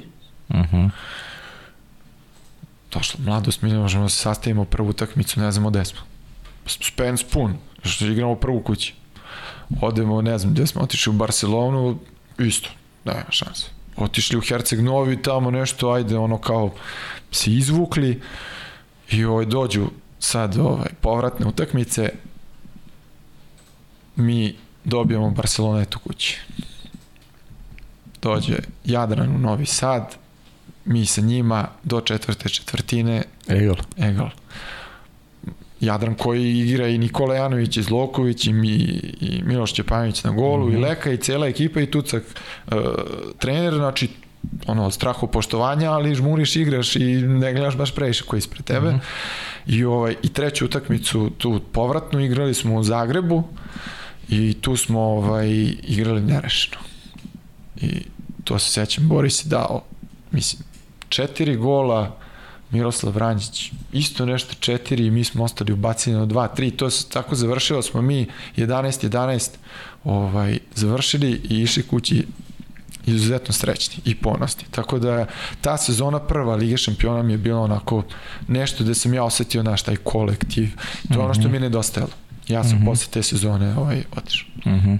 To je negde bila i, da kažem, ulazna karta za Ali bilo neki ponuda iz domaćih klubova ili si, ili si ovaj... Pa, bila je ponuda, da kažem ponuda, bilo je nekih priča, jer ovaj, uglavnom neki talentovani kod, u nas, vaterpolisti mm -hmm. su išli u Partizan. Mm -hmm. Tako da je postojala neka priča da će Partizan da me zove, neće, mm -hmm. da li je to bilo realno ili ne, ja ne znam, ali ovaj, u tom trenutku Partizan je jedan od najboljih u Evropi i naravno da su zvali u nekom trenutku to nema ovaj to se nema ne dilema, da. to se, mm. to se ovaj, prihvata jer uh, rad u Partizanu i sa samim saigračima, ok, da ti radiš sa najboljim trenerima, ako saigrači nisu tu bolji od tebe ili isti da te dižu. Znači ti učiš više od saigrača nego od možda od trenera, a posebno u Partizanu gde učiš od, od najboljih u tvom sportu i u državi, tako da ovaj konkretnu ponudu nisam imao, ali bilo je onako priča neka da će možda da ovaj pozovu. Uh -huh. Nisu zvali i odlaziš u Francusku. Pa imao sam ja i drugih ponuda tako? iz pa inostranstva, uh mhm. -huh. ali onako ta ponuda, pošto sam ja godinu dana pre toga isto možda hteo da idem kao tada mm -hmm. nisam razmišljao, ali ono, ajde da vidimo možda da li bi me neko hteo ili nešto. I ovaj, i nešto se nije pogodilo, odlična ekipa u Vojvodini, došao Dača, rekao ajmo još godinu dana, ovaj, i ponuda iz Marseja je došla dosta možda i kasno, ali i bila nekako nešto što sam ja video možda neku budućnost u smislu da napredujem. Mm -hmm. Znači, ja sam teo da odem u Italiju u neki klub i ja sad tamo da igram kod ni trenera kog poznajem, ni ono onako nekih prosječnih igrača. A Marsej je ovaj, vodio Petar Kovačević, pomoćni je bio Nenad Vukanić, bila su tu dva igrača pre mene, Đorđe Bašić i Petar Tomašević, koji su, znači, Đorđe Bašić je kroz juniorske selekcije ovaj, igrao za reprezentaciju Srbije i osvajao medalje, Petar isto bio veliki talenat, tako da ono ima neka da kažem, onako zdrava priča i najbolji francuski igrači koji su moje godište, tako da se tu isto stvarao neki tim. Mhm. -huh. I ovaj, i dogovorili smo se, bilo je tu nekih onako malo i pregovora i zato što sam ja imao obeštećenje, na kraju sam ja ovaj, svoje obeštećenje skinuo sa mog ugovora, pošto Francuzi ne znaju šta je obeštećenje. Iskreno mm -hmm. ti budem ono, ti njima kaže trebaš da platiš nekog igrača, pošto tamo toga ne. Nema. Aha. I onda ovaj, sad ja njima objašnjavam, oni meni kažu to ne može, onda smo se dogovorili da oni meni skinu to sa ovaj dvogodišnjeg ugovora što mora da se plati Vojvodini i tako sam onda ovaj otišao. Uh -huh. um, kako je uticala na tebe ta, ta promena? Re, realno mlad si, dalje si vrlo mladi, ideš u neku stranu zemlju, prvi odlazak od kuće, verujem da nisi slutio da će to da bude ovaj prvi i posljednji ugovor koji si potpisao nakon odlaska iz, pa, ovaj, iz Vojde, rekao, osim, osim produžetka saradnje koje si imao stalno, da. Pa kad sam rekao da idem u Marsej, ovaj, moja majka je rekla, Mars, on to priča nešto. Tako, Aha. ovaj, ja kažem, da ti idem. Rekao, nema, to je dogovoreno, kraj, on je onako nas, kao i svi roditelji sad, te će bre, ide u Francusku, ja, ja pričam engleski, ali sad ti dolaziš, to je, to je skroz druga, druga priča. Uh mhm. -huh. I kao, ma neće oći, ja kad sam otišao, ovaj, došao sam tamo, dočekali su me stvarno ono ne znam, dočekao me uh, trener, Pera mi je rekao, vidiš, tu, tu ti je stan, ovo ti je klub, tako neke onako one osnovne smernice i ovaj, to je tako krenulo neko upoznavanje, to ti je nova kultura, Francuzi su dosta onako, prvo ide na distanca, pa mm -hmm. malo po malo, pa dok oni što kažu da steknemo poverenje i to tako ide, ali ovaj, dosta su mi pomogli naši igrači i naši treneri da se integrišem što brže. Mm -hmm. I ovaj i nekako igrači koji su igrali uh, su mi prihvatili dosta brzo. Malo je o, problem u Francuskoj što ako ne znaš francuski, oni engleski redko da razumeju, hoće, ali neće da ga pričaju, uh mhm. -huh. tako da je onda malo ta jezička barijera bila ovaj, onako dosta i vidna i meni je malo to i smetalo ali koristio sam naravno koji svi koji prvi put odu da što pre dođu kući malo na odmor tako da sam uspevao malo to da ovaj ublažim ublažim to ipak znači ti kada ti je trener naš čovjek, pa i kad nešto ne razumeš, on onako drži sastanak na francuskom, da ja posle njega pitam, reku, šta igram? Kaže on, a igri, kaže, znaš ti to. Mhm. -huh. I sad, onako, bude ti nekako i lakše, kad imaš problem, možeš nekom da se, ovaj, možeš, možeš da nazoveš nekog i znaš da imaš pomoć. Što od igrača, što od trenera. Tako da je to, a i klub sam funkcioniše tako da ovaj bilo kakav problem da imamo, tu su, ako mogu da pomognu. Uh -huh. A, a kaži mi, ovaj, koliko ti bi trebalo da naučiš ovaj, francuski? Pa, iskreno, prve dve godine ovaj, nisam se nešto previše trudio, učio sam, ali mhm. ovaj to je više bilo ono na kafi, daj malo ono sa igračima, jer igrači pričaju engleski, onda uh mhm. -huh. nije bilo toliko potrebno. E onda posle dve sezone ovaj odlaze i treneri i igrači i ja ostajem sam. I dolazi još jedan momak iz Srbije i dolazi trener Francus koji ne priča engleski. I šta ćemo sad? I onda ovaj ajde da učimo i onda ovaj, išao sam u školicu, uh, tako učio sam onako ne, nekako opet akademski, ali, ali sam dosta ovaj, brzo uhvatio, jer ovaj, nemaš, nemaš izbora. Moraš. Mm -hmm. Znači, trener ne može s tobom da komunicira, to znaš da ti odma neka blokada, da on sledećeg godine može da te pošalje kući da kaže e, šta će mi, aj ne mogu s njim ni da pričam. Da, da, jasno. Tako da ovaj, i tu ima neka motivacija, tako da, mhm. ovaj, a onda vidiš koliko ti je lepo kad možeš da se sporazumeš i, i u prodavnici i ovaj, u restoranu i sa ljudima okolo. Ovaj, u, našem, u ovom, ovom klubu ima 5000 članova od toga jedno hiljadu i po su svaki dan u klubu. Pa mhm. sad su tu neki onako ovaj penzioneri koji su i zanimljivi, neki onako možeš i da popričaš, sad kad si ti stranac smeškaš se, nije to to. Mm, Tako jasno. da je bila neka motivacija onako, ovaj, svidelo mi se uopšte, francuski jezik mi se svideo, Tako da ovaj, uhvatio sam ga pa te, te treće godine. Treće. Pa dobro, znači od, možda nam kažeš na francuskom ovo je najbolji podcast na svetu. Kako Sad se li mi je podcast u monde. Tako je, Igore. Imamo ovo, imamo ovo vanje i na mađarskom i italijanskom i sad imamo i na francuskom. Imamo na ruskom. A? I na ruskom imamo, pa da. A Gusarov je na ruskom, pa da. Dobro, hvala ti, hvala Ništa. ti za Ništa. Ovaj, e, ajde da pričam malo o, o, o tim godinama, pošto tebi je karijera Vojvodina Marseille, to je vrlo jednostavno. Vrlo jednostavno. Pa nešto bi, što bi ti izdvojio vezano za te igračke karijere. Znam da je, da je najvažniji definitivno taj, taj, taj land trofej koji ste, koji ste osvojili. Tako. To je nešto što je, ajde da kaže, bila neka, neka kruna a, tvoje, da kažem, takođe klubske karijere. Da, pa to dosta jednostavno izgleda kad, kad si rekao Vojvodina Marse, ali da. ovaj uh, svaki, na primjer, dve godine se menjala ekipa. Menjao mm -hmm. se trener, menjaju se igrači i menjati se u suštini i ovaj projekat. Znači, mm -hmm. ti jesi u istom gradu, ali dođe drugi trener, neke svoje zamisli, dođe drugi igrači. Novi sa igrači. Pa kao si mm. promenio klub. Bravo, da. A, ovaj, a i svaki put kad sam teo da odem klub je rekao ne može sve i tu, koliko će da ti daju, mi ćemo ti damo isto. I, I Simo, kaži mi šta ti je bilo najinteresantnije, najbliže tome da, da, da napustiš Maxi, neka ponuda koja ti je bilo onako možda i, i najbolje. Ne pričam samo o financijama, nego pričam ne. o tvojoj igračkoj nekoj. nekoj. Uh, pored igračke želja mi je bila da živim u Napolju.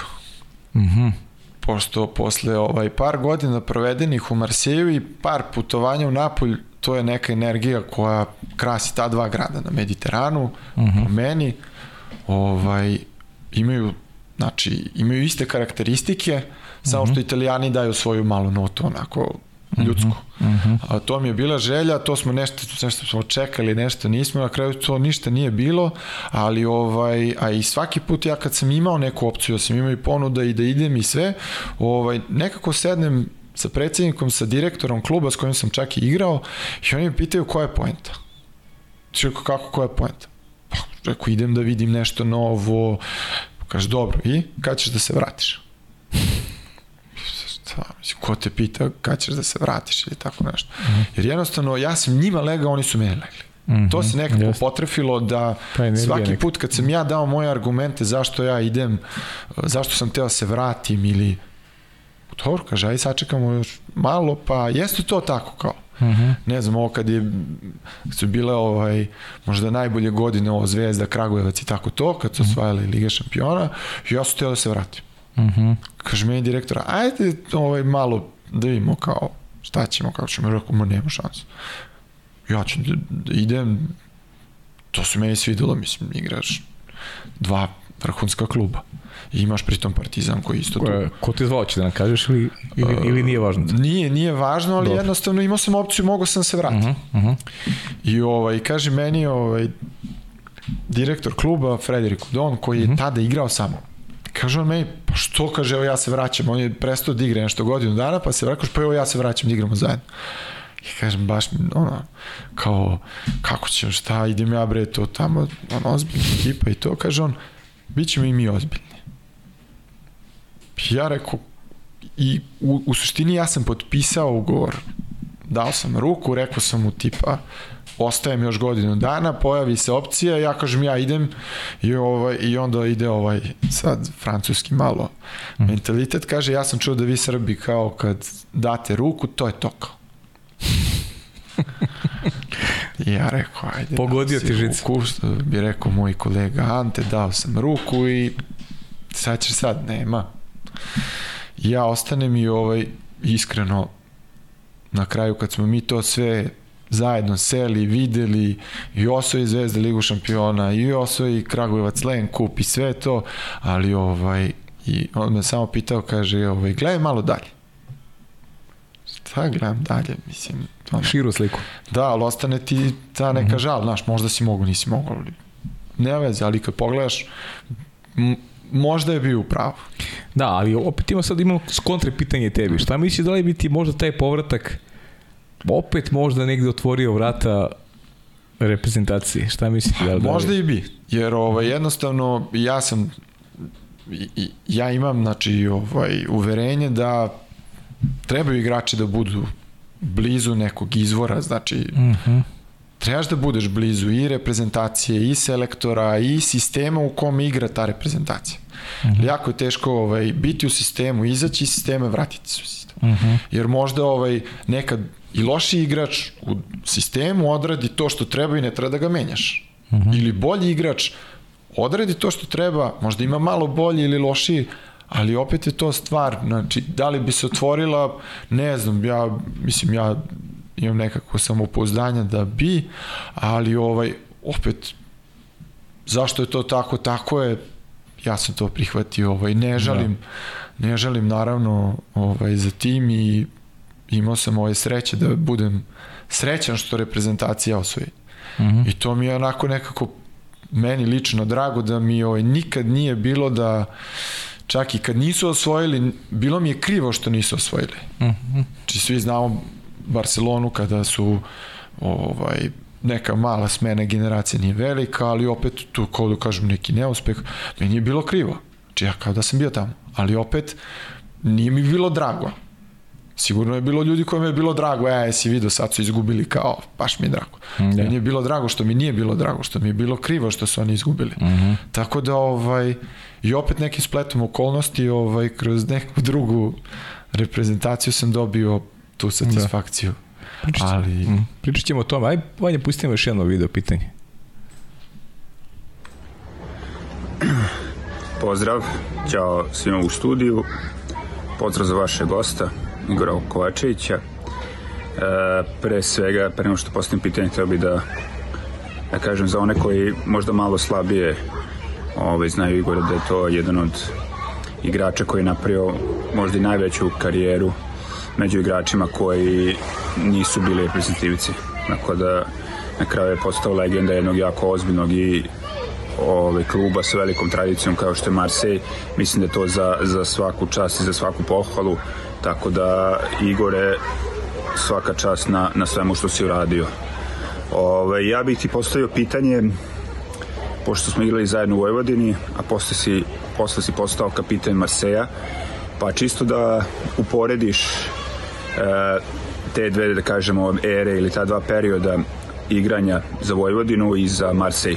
Gde ti je bilo lepše, gde ti je bilo bolje, ja verujem da ćete pričati o, o svemu u toku emisije ali čisto sad i ti iz ovog ugla, iz nekog malo emotivnog, da te, umati, da te uvati malo na lokal patriotizam, pa da vidim šta ćeš da kažeš uh, gde ti je bilo lepše i bolje i gde su ti veće emocije uh, ostale. Hvala još jednom i, i vidimo se. Pozdrav.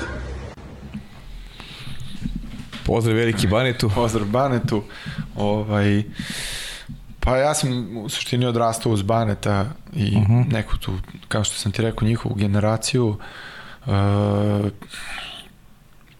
pa dv- jako je, jako je ovaj, sad u ovom trenutku to su kao dva, dva života, iskreno. Znači, Mhm. -huh. Vojvodina, Marse, ne mogu da ne mogu da kažem da ovaj jedan ima veću emociju od drugog, ali opet ovaj kad si mlađi taj neki klub za, za, za koji, u kojem si počeo, to ti je sve. Znači ti jednostavno ideš srcem, pa šta, kogod bio ispred tebe, ti braniš neki te boje ovaj, Vojvodine i to je tebi, ne znam, sve, sve što imaš. A ovaj, sad kad malo stariji dođeš u neki klub, pa sad ako ovaj, gledaš to malo više profesionalnije, onda to i odradiš sezonu i ne prihvataš toliko ovaj, emocionalno i sve, ali Marseille je takav klub da je neka više porodična atmosfera uh -huh. i ovaj, ja sam upoznao jako puno ljudi u tom klubu da ovaj, spoznam šta njima taj klub znači. Uh -huh. Znači, prvenstveno u Marseju šta naučiš, to jeste da si Marsejac. Uh -huh. Jer oni kažu, ok, mi smo Francuzi, ovo je Francuska, ali ovo je Marsej. Znači, prvo ti je Marsej. Prvo su preponosni svojim gradom, ovaj, a ljudi iz kluba su tek preponosni zato što su iz kluba. I ovaj, to tek sad vidim. Na kraju, kad kažeš da si iz Marseja ili još da si iz kluba, e, to ti onda već neki onako malo. A, ovaj, a poslednjih sigurno pet sezona taj osjećaj onako tu odgovornost, znači ja sam od 2016. kapiten, uh, kapitan sam postao tako što me je predsednik pozvao u svoju kancelariju i, i samo je rekao ovaj, dajem ti poverenje. Ti on je rekao ti si kapitan, samo rekao dajem ti poverenje. Mm -hmm. Izvukao me u s treninga, idi dole, zvao te predsednik, mi onako neka turbulentna godina, te nešto gubimo, nešto sve traljavo. Ja dolazim gore, što sad, Bog rekao, šta, se ja dešava? pitam trenera, rekao, ovaj, rekao mi je Pol, dajem ti poverenje, kaže on, ti si sad kapitan. A ovo rekao, šta ćemo sad? Jer to je stvarno odgovornost. Mm. Znači, jednostavno ti je predstavljaš klub, ok, mm -hmm. ali ti svaki dan vidiš članove tog kluba koji su tu porodično po 50 godina. Znači ti predstavljaš njih. I posle utakmice koje izgubiš, bolje da se ne pojaviš u klubu. Pošto će i gospođa od 90 godina kaže slabo ste igrali. Mm -hmm. Kao mogli bi malo, kao pripazite. Mm -hmm. I sad ti onako, ako malo razmisliš, vidiš da nije to samo budeš kapiten ekipe i ti se držiš tu neki govor, kao ti ćeš da motivišeš ekipu i to sve, nego ovaj, imaš imič kluba, imaš odgovornost da, da ne ukaljaš imič kluba. Pobedio i izgubio, nebitno je. Bitno je kako si izgubio, a ne praviš neki skandal, nešto tamo. To, to zbog toga ovaj, se leti, nebitno šta je, isplatite sve, Ćao. Mm -hmm. Tako da, ovaj, e onda kad to tako počneš da prihvataš, e onda tu idu ulaze emocije. Mm -hmm. Tako da u Vojvodini smo imali ovaj, navijače, futbalske, ovaj, imali smo isto ljudi iz kluba i to, to je nekako prirodno. Jer tu odrastaš, to je tvoj kraj, to je tvoj klub, to mislim, voliš, što Bane kaže, lokal patriote, mi smo ovaj, sladinari, tako da ovaj, ne, nemaš, ne, ne postavljaš pitanje. Ali opet kad ne dolaziš iz neke sredine i kad zavoliš neku sredinu i osjećaš odgovornost i neku ljubav i strast prema tome, onda ti je to već, i ja to kažem, to su dva, bukvalno meni u mojoj glavi dva života. Uh -huh. Tako da ovaj drugi život, onako, ovaj, sad ubacujem i prvi, zajedno sa njim u emocije, ali ovaj, jednostavno takav sam da ako vidim poentu i ako zavolim nešto, to je to. Uh -huh. Onda ovaj, ne, nešto ne menjam previše ovaj, mišljenje. Uh -huh. e, pričaj sad si me, ajde, opet se malo, malo si me sad natirao da se sklonim sa te, sa te sportske priče, s tobom vidim, vidim već da može da pričamo satima ovako. E, kako funkcioniše, kako funkcioniše Marseille? To je malo sam shvatio tu neku priču poput, ne znam, u Španiji onih sociosa koji ovaj, plaćaju članirine ili tako, ili to je je to neka slična slična baza funkcionisanja, sad si mi rekao gospođe da. od 90 godina koje, koje pitaju e, kako ste igrali e, juče, šta se to dogodilo ili, ili, ili po tom sistemu funkcioniše i Waterpolo klub Marsi? Pa Waterpolo klub Marsi u suštini uh, to je asocijacija. Znači, uh mhm. -huh. to je onako, ne znam kako se to, fondacija ili tako nešto, znači to je neprofitna organizacija uh -huh. uh, koja je na 99 godina iznajmila taj objekat koji imamo uh. -huh. od grada i uh, funkcioniše ovaj, tako što ima godišnja članarina, članovi imaju pristup u bilo kom trenutku, znači kada su termini, znači nemaju termini određeni za, imaju vaterpolo i sve to, ali ti članovi imaju uvek dostupnost i bazenu, i teretani, i sauni, i moru, i e, restoranu, znači to je onako jedan privatni klub e, -hmm. gde se okupljaju ljudi, e, pored znači klasičnog nekog tog ovaj zarađivanja, da kažemo, para, to je sponzorisanje od članarina, taj klub ima svoj, svoj jedan shop gde se prodaju znači, majice koje mi nosimo, kupaće koje mi nosimo, kapice i tako oprema, uh mhm. -huh. koju članovi kluba i kupuju.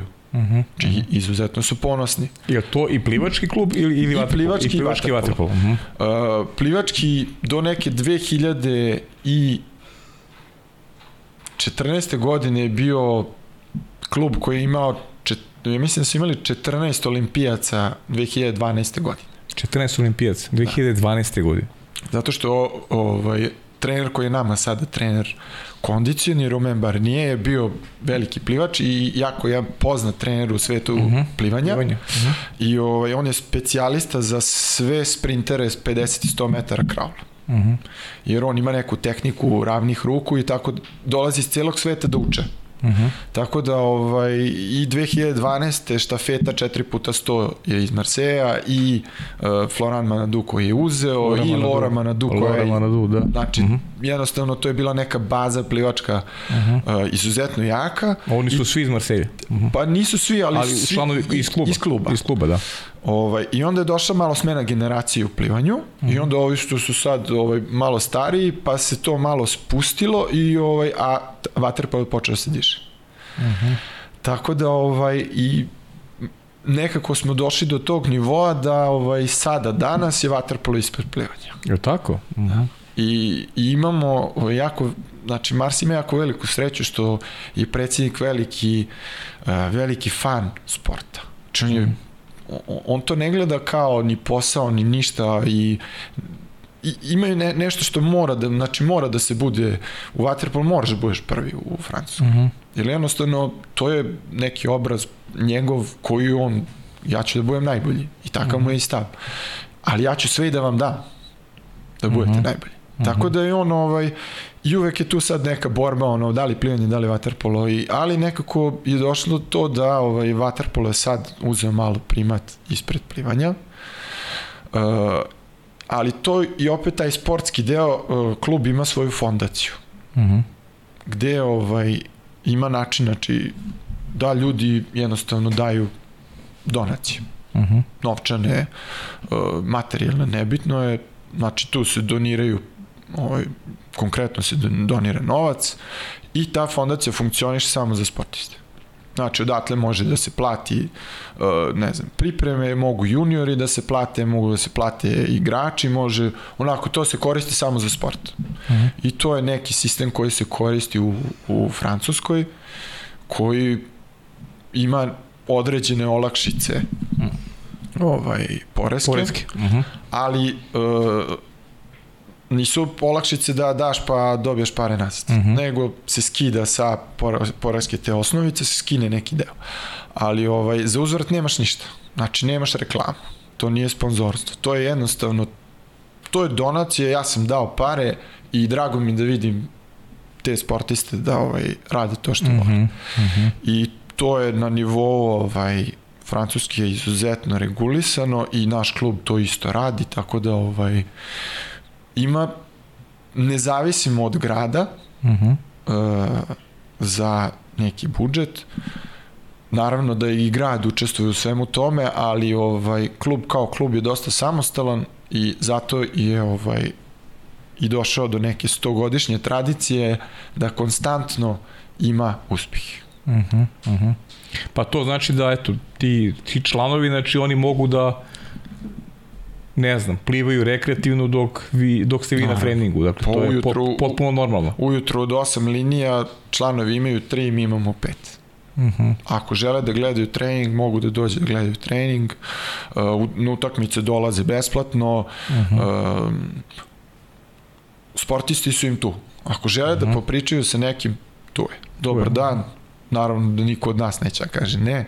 Naravno. Ovaj, tako da je neka atmosfera onako dosta, ovaj, to je mesto okupljanja.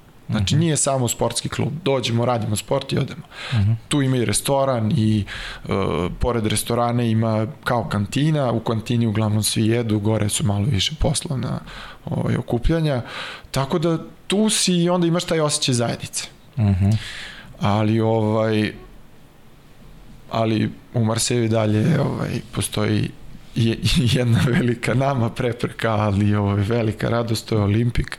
A, da, pa dobro. Tako da ovaj, oni kad igraju sve stane. Sve stane. A čekaj, ili možda zamisliš šta je sistem ovaj, u Srbiji? Može, naravno, samo ovaj, treba imati treba imati volje, treba imati i ovaj odlučnosti da se to uradi.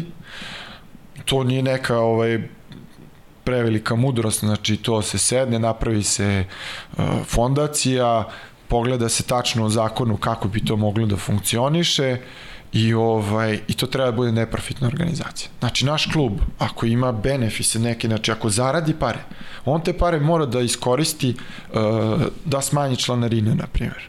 Uh mhm. -huh. da uh, renovira uh, objekat. objekat. Uh mhm. -huh. Znači te pare ne idu, imaju radnici to su sekretarice, tako neki radnici koji, administracija koja mora da ima da funkcioniše taj klub. Mhm. -huh. Predsednik nema platu. Predsednik je izabran i ceo upravni taj odbor, oni su svi tu volonterski. Uh -huh. Oni su tu za klub. I ovaj, u Srbiji kad bi se to napravilo, onako samo da ovaj se digne malo taj prag odlaska mladih igrača iz sistema, -huh. da se nađe taj sistem kojim bi oni mogli da se zadrže, a da ovaj, nema previše nekih sukoba interesa ili sponzorstva koje su kontrolisana, jer to nije sponzorstvo, to je su donacije. To je neko ko želi, ja hoću da dam u Waterpolo određenu svotu novca, ja hoću da dam za uzvrt, mi ne treba ništa, hoću samo da vidim da osvajam medalje. Uh -huh. Onda ajde da vidimo kako to da napravimo. Tako da ovaj, ja verujem da je to onako neka formula koja može da se primeni ovde. Sad kako to ovaj, ostavljam onima koji žele da, ovaj, da naravno ja sam otvoren da im objasnim kako to funkcioniše, znači ako neko želi to da čuje kako funkcioniše ovaj, u Francuskoj, ja sam voljan da to objasnim, pošto znam i ovaj pravni deo i ekonomski deo, to sam naučio, ovaj, tako da jednostavno to je samo želje i možda onako neka inicijativa da uh -huh. se mhm. pokrene.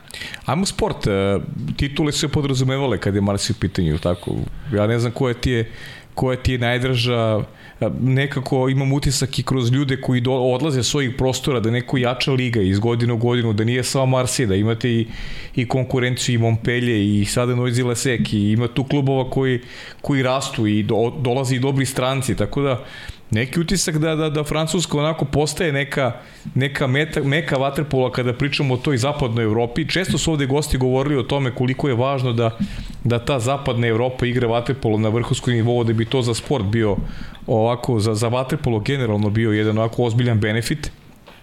Pa ajde mi kažeš malo tim rezultatima, šta ti najdrže i sa posljednim akcitom na, na, na taj Len trofej koji ste osvojili, moju sliku koju, koju si rado podelio s nama pa da, pa da popričam malo o tome. Pa u, Marse je takav klub da oni žele da budu najtrofejniji klub ikad u, mm -hmm. u Waterpolu u Francuskoj i, ovaj, i rade sve na tome, da to tako i bude.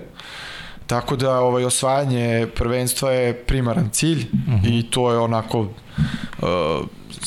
sve je okej, okay, ali mi moramo biti prvi. I uh mhm. -huh. to je tako. To, to je postavljeno od uprave i ovaj uh, naravno da nije to obaveza. Znači, to je onako to se, to se kaže, to vam je cilj i onda ovaj, ovaj, se koristi malo francuski mentalitet, ovaj, kaže, pa ajde vidi ti, kaže, ako te nije sramota, budeš drugi. Tako da, ovaj, cilj je u suštini da, da to sve što se uloži u neku ekipu, da to ima rezultat, da to može da se prikaže. Uh -huh. uh, naravno da je ovaj, taj Eurocup koji smo osvojili, koji se jako dugo čeka u Marseju. Oni su dovodili pa je, stvarno vrhunske igrače, znači bio je jedan Garbuzov i Stratan, tada su osvojači, mislim su bili uh, čak i olimpici u tom trenutku kada su igrali i bio i Mlađan Janović i bili su stvarno igrači uh, vrhunskog nivoa, ali uvek je falila ta titula, evropska titula. I ja sam, na primjer, dva puta sa Marsejom igrao polufinale. I jedno polufinale smo ovaj, izgubili od Savone, drugo smo ne znam od koga smo izgubili, to sam zaboravio drugo, ali uh, suština je da ovaj jednostavno to im fali. To im je mhm. falilo i potrefila se ta sezona da ovaj mi igramo super i nekako sklopile su se kockice da ovaj čak i Jadran pobedi pobedi ORC-a koji ovaj je bio već viđen na tronu Jadran mlada ekipa, vlada je ovaj, to posložio kako treba, mi s naše strane odradili šta je trebalo i ovaj nađemo se nađemo se u finalu gde Miloš je bio na golu, tada Miloš Ćepanović, gde on igra protiv matičnog kluba, onako neke emocije nama preneo, da ovaj, mi imamo te, te emocije su sve pozitivne, to je sportsko nešto što je falilo Francuzima. Oni, uh mhm. -huh. Mi smo imali te emocije, ali kada osvojiš francusko prvenstvo, oni su ga već osvajali, pa onako znaš šta je. A ovaj, i Miloš je onako, on je najstariji bio u ekipi i ja se sećam, pre početka sezone je rekao ove sezone ima, kaže, da treniramo kao blesavi da osvojimo. Uh mhm. -huh. Neću da vas pustim. I sad mi delimo slačionicu i mu kažem, ja mu rekao, ja sam mu to rekao sad kad je postao trener, koji se sećaš kad si rekao u početku sezone, kaže neću da vas pustim, rekao nadam se sad kad budemo, rekao, ovaj, sad kad postaneš trener da neće dopustiti do titule, rekao. Hmm. Tako da ovaj, i on ima taj stav da ovaj, on je pobednik kao prvo ono, u duši, tako da on sigurno će da napravi velike stvari u Waterpolu, ali ovaj taj kup kad je došao, mi smo prva ekipa u Marseju posle Olimpika koja je bila na prijemu kod gradonačelnika. Uh mhm. -huh. Znači, Marsej osvojio kup šampiona, išli su kod, grado, kod istog gradonačelnika, pošto je isti gradonačelnik od 91. godine. Uh mhm. -huh. ovaj, oni su nosili titulu, bili su tamo na njihovom onom ovaj, na njihovoj terasi ko ovde što budu prijemi. E, ceo grad je stao, mi kad smo došli, gradonačelnik nas je primio i ovaj, to su dve jedine ekipe koje su bile kod gradonačelnika na prijemu. Tako da to je meni bila izuzetna čast, jer ja kao kapitan sam nosio i ovaj, i neke poklone i taj kup i tako objašnjavao sam mu šta je šta. On je inače profesor ove, istorije uh mhm. -huh. i, ovaj, i onda smo imali predavanje na sat i po vremena o, o Marseju i zašto to znači i kako je to u suštini uh mhm. -huh. jedna velika stvar, ali ovaj, najveća stvar je za, za francuski vaterpolo. Jer je mhm. to pokazalo da u suštini u Francuskoj postoji postoji kvalitet. Uh -huh. Kvantitet ima imaju četiri lige, ima možda sigurno najviše licenciranih vaterpolista, znači ljudi koji imaju licencu u Savezu. Da, to je fenomenalan podatak, to, si, to si mi rekao i pre početka emisije, Zato što nisam ovaj, znao to uopšte. Pa i takav je sistem da ne može da se igra samo kao ajde da igramo, nego moraš da budeš medicinski sposoban da ti igraš, znači moraš da budeš i ole zdrav. Uh uh -huh. Ovaj, tako da ima jako puno ovaj, da li, da, su, da su oni profesionalci ovaj, manje više, imaju određeni klubovi gde ljudi rade igre jer mm. tako je, ne mogu da zarade dovoljno ovaj, od waterpola pa igraju. Ali ovaj, sve više i više ovaj, su profesionalci. I mm -hmm. sada naravno Nova Zilo Sek s organizacijom 2024. godine su dobili Tako je. -hmm. Dobili su budžet grada, uh, Aix-en-Provence, Lille se sada diže. Lille je isto jedan ozbiljan studentski, industrijski grad koji mm -hmm. ovaj, može da napravi ekipu. E sad, njima je uvek poenta da se ti igrači naprave da budu francuski igrači i da se uzmu talenti sa strane. To je poenta. E sad, malo su nestrpljivi što se tog dela tiče da prave igrače, uh -huh. jer ovaj, ipak da bi igrača napravio treba ti pa minimum 8 godina. Znači za jednog sportistu od, evo da računaš od 14. godine da krene ozbiljno da trenera, treba mu 8 godina da stasa da bi došao u prvi tim da kažeš imam igrača. Uh -huh. To je malo ovaj, duže sa strane zato što ovaj, ne može jedan sponsor da razume da 8 godina treba da bi došao do nekog uspeha. Naravno da ima, ali tako je. Uh -huh. Tako da ovaj, i francuska reprezentacija evo, pokazali su da Da, sad na svetskoj ligi. Na svetskoj ligi da mogu da igraju sa svima. Uh -huh. Da imaju kvalitet, da imaju talente, da tu stvarno ima talenata koji manji u waterpolu nego u ostalim sportovima, ali Francuska ima šta da pokaže. Uh -huh. I ovaj, tako da ja ostajem za 2024. ćemo videti dokle će da dođu, ali ima, ima veliki potencijal. Uh -huh. e, došli smo do reprezentacije vrlo svesno, s obzirom da si bio deo reprezentacije Francuske, ta neke, neka priča je tako kreće negde još od 2014. godine, kada su te kontaktirali i kada si onako dao ruku i ovaj, tom projektu. Igrao si na tri velike takmičenja za reprezentaciju Francuske. Ono što je meni posebno interesantno, pričam sa nekim ko dolazi iz tog projekta, jer jako cenim uh, tu neku njihovu projekciju sporta i tu akademiju koju imaju generalno jer Francuska je zemlja koja imala na olimpijskim igrama u Tokiju najviše medalje u tim kolektivnim sportovima i evidentno je da, da imaju napredak e, kroz e, sve bukvalno ekipne sportove. Kad smo bili klinci Francuska u rukometu, nije mnogo značila, sada su bukvalno vele sila osvajaju bukvalno svim takmičenjima velike medalje u muškoj i ženskoj konkurenciji, u košaci su mnogo jaki takođe u muškoj i ženskoj konkurenciji, u odbojci su olimpijski šampioni, pa negde, ajde, po, po nekom defaultu o, za očekivati da u Vatrepolu napravi neki iskorak sad, ne verujem, mislim, za sada ne izgleda da će to bude medalja, ali uh, ti si deo sistema, pa priča malo o tom sistemu i o, i o, tom, i o tvom negde učešću u reprezentaciji Francuske.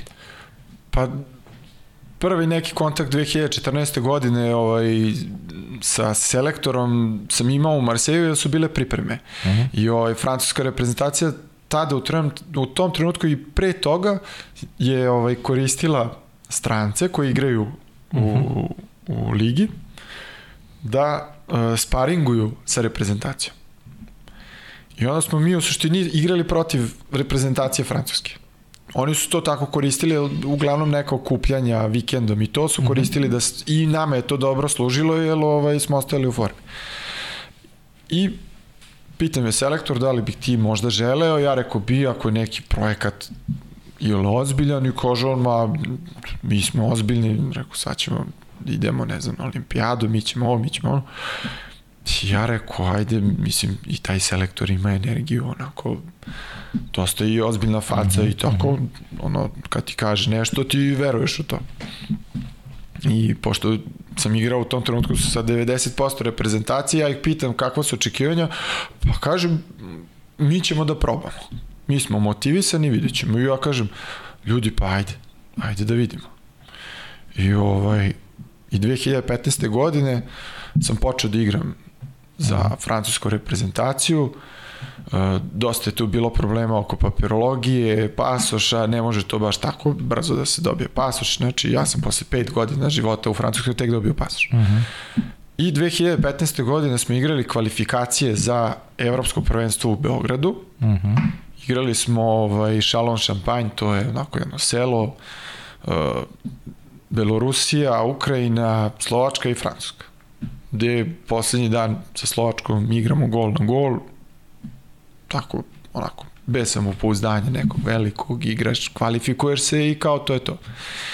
I ovaj, u tom nekom trenutku u reprezentaciju dolazi ja fizioterapeut iz francuske rugby reprezentacije. Mhm. -huh. Znači, iz, oni to zovu 15 francuza, tako se zove reprezentacija ovaj, francuski u ragbiju, uh, koji, je, koji ima jednu energiju i ovaj i nešto iza sebe što je u našem sportu u tom trenutku bilo to u Francuskoj nije, nije bilo normalno da fizioterapeut uh, određuje da li možeš da ideš na terapiju, da li se zagrevaš, kako se zagrevaš, šta radiš, tako da je on uveo jednu disciplinu i svojim pričama o ragbiju i uspesima reprezentacije ovaj, francuske u ragbiju donio neku energiju.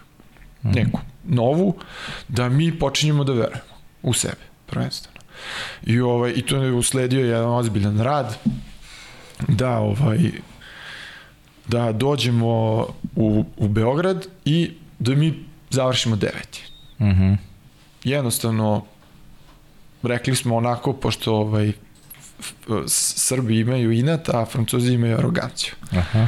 Tako Kombinacija da, inat i arogancije. Da, da, tako da ovaj, imao si ovamo par na što se inatimo, ima si ove što su arogantni, da prvi dan izgubimo od Hrvatske jedno 15 golova razlike i da se to sve svede ovaj, na nivo na koji treba i da počnemo da igramo. Uh mhm. -huh. I igrali smo i sa Srbijom i bilo je tu 3-4 hiljade ljudi i to je onako nešto što je svima nama ostalo urezano, arena, onako jedan ovaj, lepo vertira za, ceo, za cijelo prvenstvo i u suštini sa tim devetim mestom mi smo se kvalifikovali na svetsko. Uh mhm. -huh. I sad, ovaj, gde smo skroz potrefili neki team building, to je bilo pre ovaj, početka evropskog prvenstva, gde šta sad kao ovaj, zanima sve ovaj, zašto kao Srbija onako ima taj sportski duh, zašto imamo mhm. uspehe, zašto se svi deremo, pošto oni misle da se mi svi svađamo kad pričamo između nas.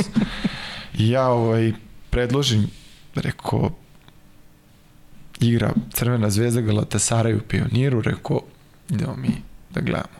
Rekao, sad ćete da vidite šta je.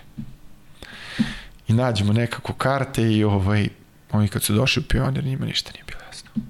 Gledaju, još smo bili ispod navijača Tad je bila onako neka utakmica puna tenzije, dranje, mislim, nama normalna utakmica, onako neka Euroligi, ali -hmm. njima je to bilo fenomenalno. I ovaj, oni su videli šta je to i ovaj fizioterapeut meni non stop ja bre, ovo je kao smo čovjek bio na jedan parku da igra Francuska protiv Novog Zelanda, ja ne znam koliko tamo ljudi može da stane, da All Blacks svi kad krenu da navijaju, ne znaš gde si. Uh -huh. I o, ja mu kaže, čekaj, čekaj, vidjet ćeš polako.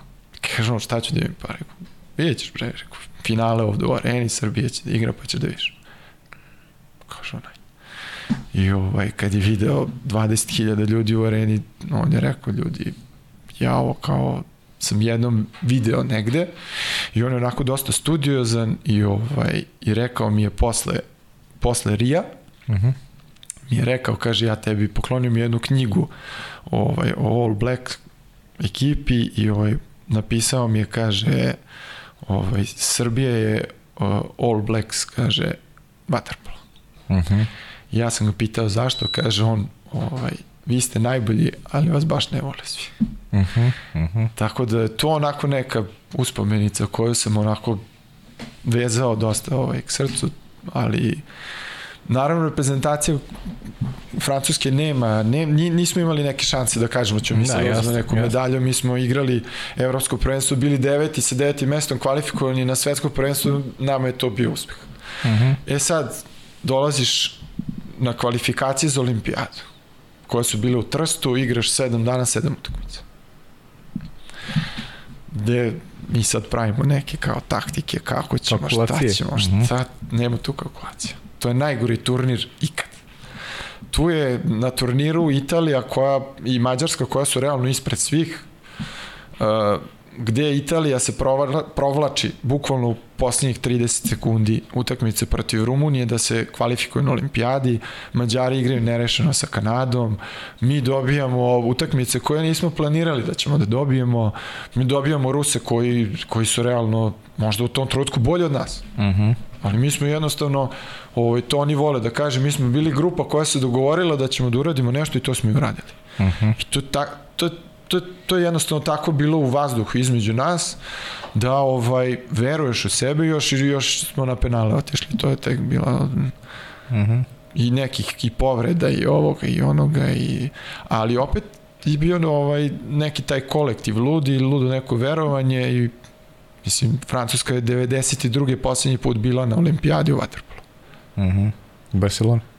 I sad mi 2016. kvalifikovani niko od nas to nije ni očekivao. Mislim, savez nema vaterpolo savez, to je plivački savez. Oni su podelili premije za kvalifikacije pre tri meseca. Mm -hmm. Znači, mi sad dolazimo kao i mi smo kao deo delegacije. I sad nemaš ti osjećaj dok ne dođeš da pokupiš tu opremu, dok ne uđeš u uopšte mm -hmm. olimpijski komitet da vidiš e onda sam ja tu video koliko je u stvari delegacije jedne, jedne zemlje kao što je Francuska gde ide mislim da je bilo 380 sportista. Uf. Znači mi smo imali zgradu za nas u Rio. Mi i četiri momka što treniraju jahanje iz Monaka. Mm -hmm. Eto. Znači dolaziš pun Airbus sportista, onaj najveći koji su imali, poslali su ovaj, gde ti ulaziš, nebitno gde si ti sad, si olimpijac, ulaziš u, ne znam, onaj VIP odeljenje tamo na Charles de Gaulle, niko te ništa ne pita. Ne, ne čekiraš više svoje torbe, znači nema više čekanja. Ti si delegacija, ti imaš protokol, imaš ljudi mm -hmm. iz mhm. olimpijskog komiteta koji rešavaju sve. Tvoje je da ideš i da osvojiš. Mm -hmm. Samo što ovaj, mi nismo išli da osvojimo. Da, vi ste već napravili mi smo, ovaj, mi smo napravili uspeh da. i sad baš da mi kažemo da ćemo da osvojimo olimpijadu, to je bilo realno da. priča za malu decu, tako da smo mi ovaj, išli u Rio da uživamo. Mm -hmm. I, I igrali smo, mi smo igrali koliko god smo mogli te utakmice i sa najvećim uživanjem i gledali smo da svako da gol. Opet je to, oni kažu, jednom u životu. Mm -hmm. Ali ovaj, u Francuskoj kad se kvalifikuješ na olimpijadu ti dobijaš statut znači sportiste vrhunskog nivoa. Imaju tri mm. da neka statuta, imaju juniorski, imaju sportisti koji ove, ovaj, igraju u nekoj evropsko svetsko i imaju sportiste na olimpijadi. Mm -hmm. Ti kad si sportista na olimpijadi pa imaš bukvalno šta god hoćeš hoćeš da da nađeš sponzore, da treniraš, plaćeno mm -hmm. ti je od, ne znam, rekvizita, od priprema za individualne sportiste, to ono najbolji moguća formula da dođu do nekog uspeha. Mm -hmm. A ovaj, opet ako žele da studiraju nešto, opet je drugačije gledaju i opet imaš neki status. Tako da, ovaj, a na primjer, anegdota nazad, kad smo se vraćali iz Rija, ovaj, cela delegacija putuje zajedno. Znači, šalje se avion iz Pariza, je sleteo, avion je bio samo za nas. I ovaj, u avionu je bila jedna onako atmosfera gde bukvalno je bila žurka od jutra do večera. Znači, ti si tu, cijela delegacija, sportisti, treneri, pilot je izašao, pilot nam je bio Teddy Riner jedno pola sata. Znači, Teddy Riner koji je meni najveća anegdota, mi smo doručkovali svako jutro sa njim. Znači on je onako mesec i po dana pred olimpijadu, Japanac koji je najveći konkurent, koji je talentovaniji od njega, ga je isprozivao nešto u novinama i on je rekao sad će da vidi. I svako jutro je sedeo, čeka njega da dođe na doručak, sedne iza njega i nabija mu stolicu ovako. Sad, Teddy Riner je dečko od 2 metra i 140 kila, mislim, najbolji judista skoro ikad. I ovaj, mi ga sad on dva dana, a pritom jede svako jutro nutelu i hleb. I to namerno ovako natrpao, onako nutele, hleba. Mi sad vidimo nešto ne funkcionira, inače on to ne jede. I mi ga pitamo, šta radiš ti? Kaže, šta će da kaže, a ovaj jadan japanac jede, meri, onako, mislim, oni nemaju kategorije, oni su ona super mhm. teška i nemamo tu sad. Kaže on, ali on pazi, ne znam. Kaže on, ne, sad ti ovo, kaže, psihički rat. I on je nje, i na kraju kad ovaj, smo gledali finale, Japanac se nije borio. Znači drže ovako ruke ispružene, Teddy ga je tu op, op, i osvoje tako ovaj, olimpijsko zlato i strah.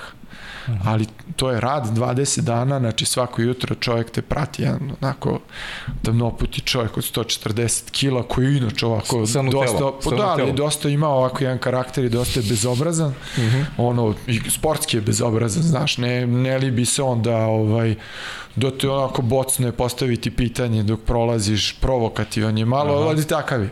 I ovaj, i to je onako on je bio, ovaj, ali on je bio e, on je nosio zastavu. Uh. -huh. I, na primjer, na izlaženju na Marakanu, ovaj, namerno je stajao, nije hteo, kaže, ovaj, sad ćemo, kaže, da izezamo, malo ćemo da stojimo, kada ovi kažu da krenemo, mi ćemo da stojimo. I onda smo tako stajali malo u onom tunelu dok on nije krenuo, ali to je isto ono, mislim, izađeš u Rio, na Marakanu izađeš. Da, defile sportista. Ne znaš, gde si defile sportista, uslikali se i ovaj, onako tu, ta delegacija, tu, tu su bili ovaj, Tony Parker, ne znam, braća Karabatić, tu su Rudi mm -hmm. Gombert i tako, i mislim, sve ti jasno kad dolaze Kevin Durant i kompanije i oni se ono između sebe kao ko što jesu Pričamo drugari. sa Torijem, sa, sa braćom Karabatić, kako? Pa, pa raz, ono, pričali smo, ali to je više neka sportska priča, Aha. mislim, to, i šta mi je ovaj, ostalo, ono, ostalo onako sećanje, neko što sam ovaj, što je Nikola Kalinić, to je drug od mog ovaj, saigrača dugogodišnjeg Uroša, ovaj, on je bio u delegaciji Srbije i onako ide s nekim momkom, onako, nisam nešto pratio tada košarku i ovaj, ma, mi ćemo da idemo, kao nećemo da idemo na otvaranje i onda su na kraju njih dvojica su otišli. Mm -hmm. Posle par godina gledam, ko je mi poznat, ko je Nikola Jokić. ja rekao, evo ih ovi buntovnici, nije ni čudo što je sad najbolji. Da. Onako, Bukval. mislim vidiš to stvarno, video sam i Phelpsa i neke sportiste, ovaj, nisam se slikao jer mi je to nekako Slikao sam se samo sa Tonijem, jer mi je to bila onako neka želja i sa ostalim sportistima on je tu došao čovjek da pobedi. Tu tačno se vidi ko je došao da osvoji ili, mm -hmm. mislim, da budeš turista, realno. Ljudi koji dođu da osvoje reprezentaciju Srbije, vidiš broj, ne znam, ono, jedan ovako ide gleda u pod, ne znam gde je, njemu glava u bazenu, mm -hmm. prođeš ono, ljudi srećno, E, šta ćeš ti sad, ne znam, dođeš Đokovića da smaraš, ajde da se slikam, mislim, Đoković uđe jadan da jede, 3000 ljudi se digne, trči prema njemu. Da, da. Ono, malo fali nekad tog poštovanja, ali opet ono vidiš, ne znam. A neprepoznavanje moment možda. Pa i to, to ali poštovanje, i on, je, da je i, on je, i on je sportista, mislim, i on da. treba i da jede i da odmori i da to, Tony Parker, dečko nije izašao iz Znači, nije izašao iz grade. Kažem, kako ja da izađem? Kaže, tu krenu da me sa let, ono, svi živi će doći da se slikaju. Realno. Mm. Mm. Tako da, ovaj, onako, ta delegacija je velika, jako, 380 sportista, tu sam upoznao sportiste koji igraju hokej na travi, na primjer, ili ne znam. Mm -hmm. Nisam znao da je Francuska ovaj, najviše broj medalja uzme u mačevanju i u jedrenju. Ja sad stanem, znači ono kad gledaš ko je svoje najviše medalja, ja pogledam oni mačevanje i jedrenje. Ne znam, mm -hmm. kajak ili tako neki stvar. Mm -hmm. Ja stao, rekao, ok, znamo svi, ne znam, košarka, ovo, ono. Ja se malo sad počnem, znaš, kao šta, kako mačevanje, šta. I onda kad shvatiš da je mačevanje jedno od bitnijih sportova olimpijskih u, u Francuskoj, da. to cenjeno, ne znam, ono, stotinama godina, ti sad staneš, mislim, mi u Srbiji za mačevanje smo čuli, ali nikad, da, ja nisam mislio da će, ne znam, to mačevanje da ti donese, ne znam, kolik, koliki broj medalja. Mm. Ali si bio na finalu Waterpola, naravno. Bio sam na finalu Waterpola i ovaj, i nekako to mi je onako baš, baš ispunilo srce, mm. da ovaj, vidim generaciju koja je jako puno tih igrača s njima sam igrao, s njima mm -hmm. sam odrastao, mojih su godiš, godina, koje ono volim i cenim kao sportiste da vidim da ovaj da da taj pritisak skinu sa sebe. Mhm. Mm Jer to je realno pritisak. Znači oni su najbolji. Ta generacija u tom trenutku ne može niko da igra s njima. Mhm. Mm nema i ti i sa oni se muče. Kako se mučeš? Ne znam, igraš, izgubiš od Brazila, igraš gol za gol sa Japanom. O, mislim, ja idem i sad, ne znam, sretnem nekog, rekao, ma bit će to dobro, a kad će više, bre, kaže, kad će... o, igramo ligu cele godine, znaš. Da. Tako da mi je bilo jako drago što sam ovaj, prisustvovao tom osvajanju, što sam mogu da čestitam lično ovaj, što sam mogu da čestitam lično tim mojim prijateljima i ovaj mm -hmm. i, i, i, i generalno ta kruna neka ovaj te generacije u tom trenutku ta medalja je bila dokaz da sve oni što su radili od 2006. godine 10 godina posle toga su osvojili ovaj olimpijadu i drago mi je što sam ovaj video selektora koji nije skočio u vodu kog sam video u, u tunelu u Napolju kao običnog čoveka onako i ovaj mm -hmm. kome je tek pao pao kamen sa srca. Ogroman. Da. A kaži malo o, o tom, tom, pre nego što krenemo još jedno video pitanje, imam, uf, imam svašta ti pitam još. Vezano za, za taj sistem francuskog sporta i bio si u toj, kako se zove? Insep. Insep, da, Insep, uvek zaboravim. Insep, Ovaj, kako izgleda to? Ovaj, ajde nekako, ajde da, da nam pojednostaviš pa, celu priču, da ne idemo sad u širinu. I taj institut, za, to se to je inače kao institut za sport, mm. ali to nije državna institucija. Uh mhm. -huh. To jeste država pomogla, ali to funkcioniše kao privatna firma. Znači tu savezi i svi ostali, oni dobijaju neke subvencije, ali plate. Mhm. Inače to ne bi moglo funkcioniše. Ovaj, to je predgrađe jedno Pariza, gde bukvalno pa kao, ne znam, jedan Kalemegdanski park, možda i još više, uh mhm. -huh. je sve su sportski objekti. Znači tu svi sportovi dolaze, uh, oni tamo idu u srednju školu, uh mhm. -huh. tako da ovaj na primjer košarka, rukomet, uh, čak i fudbal, uh, ragbi, odbojka, odbojka individualni sportovi i ovaj i tamo idu najbolji od najboljih. Uh mhm. -huh tamo deca kad su selektovana u u košarci da idu, tamo je bio i Tony Parker, tamo su bili svi. Tako da ovaj to je neki sistem koji oni vole, jer su tu kontrolisani. I odatle se razvijaju neke stvari, a opet završavaju srednju školu, uh mhm. -huh. a kasnije tu dolaze reprezentacije, ali tu imaju najveći mir. Imaju sve što im treba. Uh, od zgrade gde se jede, od klinike koje samo fali hirurgija, uh mhm. -huh. do znači kreveti su namenjeni za ljude od preko 2 metra i 130 kila. Uh -huh. Znači ne u hotelu gde dođeš pa je krevet, ne znam, 190, pa ovom vise noge dok uh -huh. spava. Uh -huh. Bane, ne znam da li je spavao 10% svog života na normalnom krevetu u hotelima. Uh -huh. Znači, fali. E, ovde je krevet 2.20 sa, sa 2.20. Znači, uh -huh. može da legne bilo ko. Tako da, ovaj, napravljeno je sve i, izuzetno je ispraćeno evo, čak i u ovom trenutku sad, znači za pripreme 2024. godine, uh, sportisti i dalje mogu ovaj, da traže još, zato što kažu, zato što što nam više date, mi možemo više da vam vratimo. Mm -hmm.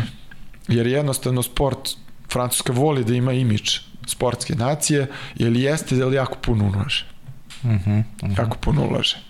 I to ne samo znači francuske teritorije koje su uh, u Karibima, ima Nova Kaledonija koja je pored Australije, uh, tamo na primjer ragbi je najzastupljeniji i tamo rade akademije uh, najboljih klubova. Uh mhm. -huh. I odatle se isto vuku talenti. Uh mhm. -huh. Ali i tamo se jako puno ulaže. Uh mhm. -huh. Tako da ovaj nije slučajno što što i kolektivni individualni sport ovaj uzima medalje na bitnim takmičenjima. A rekao si mi kako i vojska ulaže, i vojska i... Pa to, to je način, na primjer, za uh, sportiste koji još nemaju neki uspeh, koji su talentovani, uh -huh. uh, koji ne mogu da nađu sponsor ili koji nemaju plate od svojih klubova. Uh -huh. Oni imaju uvek opciju, znači, da budu ili u žandarmeriji, znači pri uh -huh. policiji, pri vojsci, uh, imaju ugovor jednog profesionalnog sportiste koji je pri vojsci ili nekoj takoj instituciji, gde on od obaveza ima jako malo nekih tih klasičnih njihovih obaveza, ima obaveza da ide na neke parade, na prijeme, na to su te kao vojne igre vojne ili kako igre, se zove. E, oni su obavezi da to odrade, ali oni S druge strane imaju sigurnost, to su ugovori po 5 godina, znači 5 godina imaju prosečnu platu da mogu da se koncentrišu na sport i ovaj to se jako praktikuje na primer u sportovima koji nisu previše ovaj uh, dobro plaćeni, kako kažem, ne, ne možeš tako lako da nađeš sponsora, kao što je rvanje, kao što je judo, kao uh, atletika, uh mhm. -huh. ta, ali opet posle toga ako ti napraviš neki uspeh, ti isti sportisti da li prestaju da ovaj, budu, ali uvek se vrate i uvek održavaju kontakt sa sa vojskom ili sa policijom. Mm, sjajno. E, ti si ovaj igrao u, i na svetskom prvenstvu u Budimpešti i to je bilo neko tvoje posljednje takmičenje, tako, za, za pa, reprezentaciju Francuske. Pa jeste, 2017. ovaj, u, u hramu Mađarskog vaterpola, da. ovaj, to je onako isto jedna atmosfera gde igraš Mm. Tebi ljudi tapšu, mislim, mi smo igrali, ne znam, protiv Kanade, tu, tu dolaze stvarno fanovi Waterpola. Mm -hmm.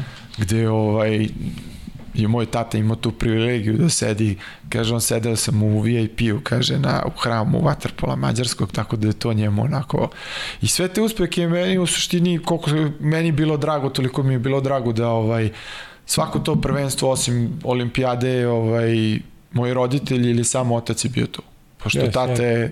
sve sva juniorska prvenstva ispratio, kvalifikacije za olimpijadu bio je tu, tako da ovaj drago mi da sam mu vratio svo to njihovo odricanje i ulaganje nekim zadovoljstvom. Uh -huh, uh -huh. Tako da ovaj 2017. pa tu sam se ovaj baš onako i povredio, tu mi je uh, rotacija ramena uh -huh. skroz ovaj otišla, tako da ovaj, od tada vučem izuzetno tešku povredu, a nisam hteo da se operišem, uh mhm. -huh. nego sam sve to regulisao nekim fizikalnom terapijom, ali ovaj, e, onda je tada već krenulo o čemu smo pričali, znači uh mhm. -huh. i, i fakultet i ja. neke obaveze, tako da ovaj, a opet s moje strane je bilo, mogu da kažem, i, i korektno da ne forsiram neke stvari, da ja sad idem, a da ovaj neko ko je iza mene dolazi, kog ja znam od njegove osme godine, da ovaj njemu ne dam moje mesto. Uh mhm. -huh. Da li meni to znači ili ne znači, jedno prvenstvo više, ali njemu sigurno znači. Uh -huh. e, ajde pre nego imamo još i Andrijino pitanje, ali ajde pre toga šta ti je ovaj, Francuska, život, sigurno se osjećaš negde i Francuzom, koliko si godina proveo tamo igru iz reprezentaciju, šta je život pored Waterpola? Znam da ragbi pa je onako... Pa nek, nek, nekako onako neki osjećaj koji je bio poseban jeste kad smo ovaj, posle Rija sleteli u Pariz Aha. i tu je onako crveni tepih, zastavice, delegacija cela i cela delegacija ide u ovaj, Jelisinska polja kod predsednika. Aha. I mi smo ušli ovaj, dosta veseli Aha. Tamo u taj objekat koji realno niko ne ulazi i ovaj, tada je bio predsednik François Hollande gde ono, bilo je malo izabranjeno slikanje i sve, ali opet ti ulaziš u neke prostorije gde, gde realno kad ćeš ući nikad. Da. Ali ovaj, Francuska za, za neki porodičan život, posebno Marse i to ovaj, jako puno pruža. Znači, hoćeš Alpe da ideš da skijaš, to ti je sat i po vremena, hoćeš da obilaziš Provansu, Azurnu obalu, hoćeš da odeš do Španije i svaka regija, ovaj, svaka regija ima nešto svoje. Uh mhm. -huh. Svaka regija ima svoj sir, svaka regija će da ima neko svoje vino, e, svaka regija će da ima ovaj, svoj neki specialitet, ljudi su od regije do regije jako ovaj, drugačiji uh mhm. -huh. mentalitetom. Uh, jug je neki miks svega, pa onda, onda Korzika je najpribližnija nama, uh mhm. -huh. onako izgleda kao kad dođemo na primorje u Crnom Goru ili tako nešto, dosta je ostalo malo divlje, ali opet sve pruža. Uh mhm. -huh. ovaj, vamo deo, meni ubedljivo najlepši deo Francuske je okolina Tuluza, uh mhm. -huh. znači to je neki uh, jugozapad jel se tu ovaj najbolje jede, najbolje pije, jedu se znači od uh, ne znam, od patke, pasulja, uh, piju se dosta malo jača vina nego na dru, drugim delovima, ovaj, tu je Toulouse, moj klub koji ja ovaj volim zbog ragbija. Uh -huh. uh, za njih ne ragbija? Za njih navijam ragbija, da. Uh -huh. Tako da ovaj i, i oni su dosta ponosni I, Fra, Francuzi su inače jako ponosni na svoju državu, svoju, svoju kulturu i nemaju to problem da istaknu. Uh -huh. ovaj, pa ragbi je deo kulture. De, deo kulture, znači na ragbi ideš sa crnom beretkom na glavi ili u bojama zastave, nosiš obavezno neku ovaj, maramu u boji zastave, uh, oni ovaj, na ragbiju dosta piju, pevaju, tako da je neka onako i nije klasičan neki futbalski osjećaj na tribinama, nego je to onako svi navijamo u glas. Mm -hmm. Znači, -huh. tu smo uh, i drago im je da su tu. I oni se ponose, na primjer, više ragbijem po meni nego futbolom. Aha, a bio si je, tako? Bio si. I ovaj, i za finale ovaj, top 14, tako se zove takmičenje, uh -huh. godinu dana unapred se kupuje karta. Je tako? I ovaj, imam sreće što je svaki ovaj, skoro godine u Marseju na velodromu. Na velodromu, da. Ovaj, a i velodrom, kad se gleda futbal i ragbi, ne može da se poredi. Ili ne može? A u... Pa onako nekaka, nekako atmosfera ta ovaj, futbalska, svi je znamo, poznajemo, znači to Mhm. je i navijači i, i svuda je to onako generalno isto. A ovde je više folklor. Znači oni imaju neke svoje pesme, to svi pevaju istu pesmu, onako, ali dosta Mhm. onako festivalski, da kažem.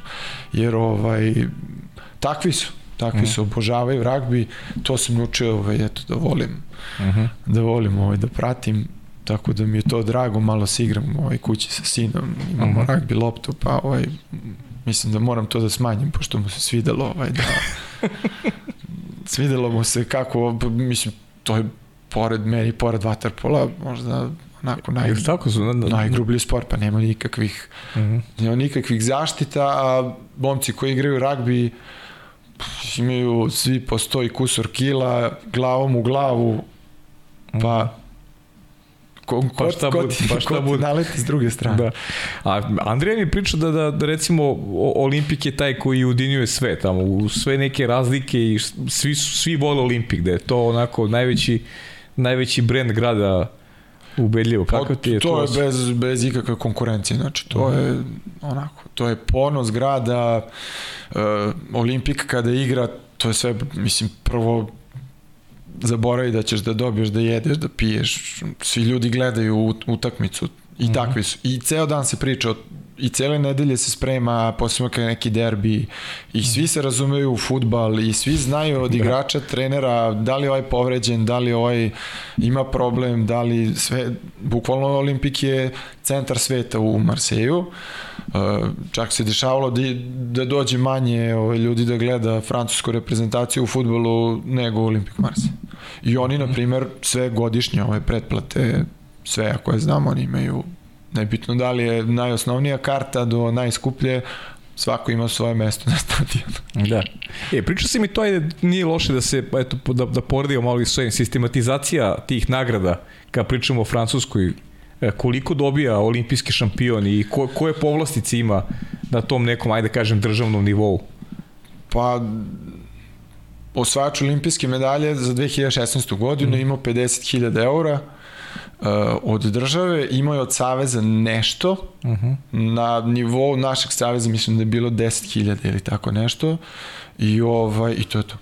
Uh, jednostavno ovaj neki sistem koji mi ovde poznajemo uh, kada bi primenili tamo uh -huh. ovaj ne bi bio baš ovaj prihvaćen toliko, a opet oni smatraju da sportisti previše ovaj, i, i zarade, posebno mm -hmm. Košarkaši ili tako neki ljudi koji igraju NBA ili negde, mm -hmm. tako da i to smatraju da im je sasvim korektno. Ali opet neke privilegije koje imaju pored u životu jeste ovaj tako kroz obrazovanje, kroz zaposlenje, tako da ovaj imaju to neko breme. Sponzorske ugovore. Tako je. Mm. Tako Veća da, mogućnost, velika država. Veća mogućnost zarade. Mm -hmm. I ovaj i, i opet Francuska ima 60 plus miliona ljudi, tako da ovaj imaš veće tržište i ako mm -hmm. si ti kao neki brend, kao sportista, možeš jako. Kao Manadu, recimo. Pa Flora Manadu jedan podatak je da može da uđe u bilo koji salon Ducatija u Francuskoj i da uzme motor koji go želi. Mhm, mm mhm. Mm Tako da... Ok. Ajde čujemo to pitanje koje nam je ostalo, Vanja. Pozdrav svima u studiju. A pitanje za Igora, je li teža divlja liga u Crnoj Gori o, od Francuske lige? Pozdrav svima još jednom. Pozdrav svima u studiju. A pitanje za Igora, je li teža divlja liga u Crnoj Gori o, od Francuske lige? Pozdrav svima još jednom. pa tu je, tu su negde. Tu su negde, a? Tu su negde, da. Pa ovaj, kako da ti kažemo, fra, fra, francuski vaterpolo je malo onako fizički zahtevan. Tako da ovaj, svi neki igrači koji dođu kao što je Andrija, kao što je Ante, do Ante je došao kao svetski uh -huh. prvak, gde ovaj, je morao da zasluži svoje poštovanje ovaj, u, u ligi. Uh -huh. Tako, ovaj, tako je i Andrija isto ovaj, prve godine kad je došao tek je shvatio da ovaj, čak neke sudije i ne znaju ko je Andrija Prlinović.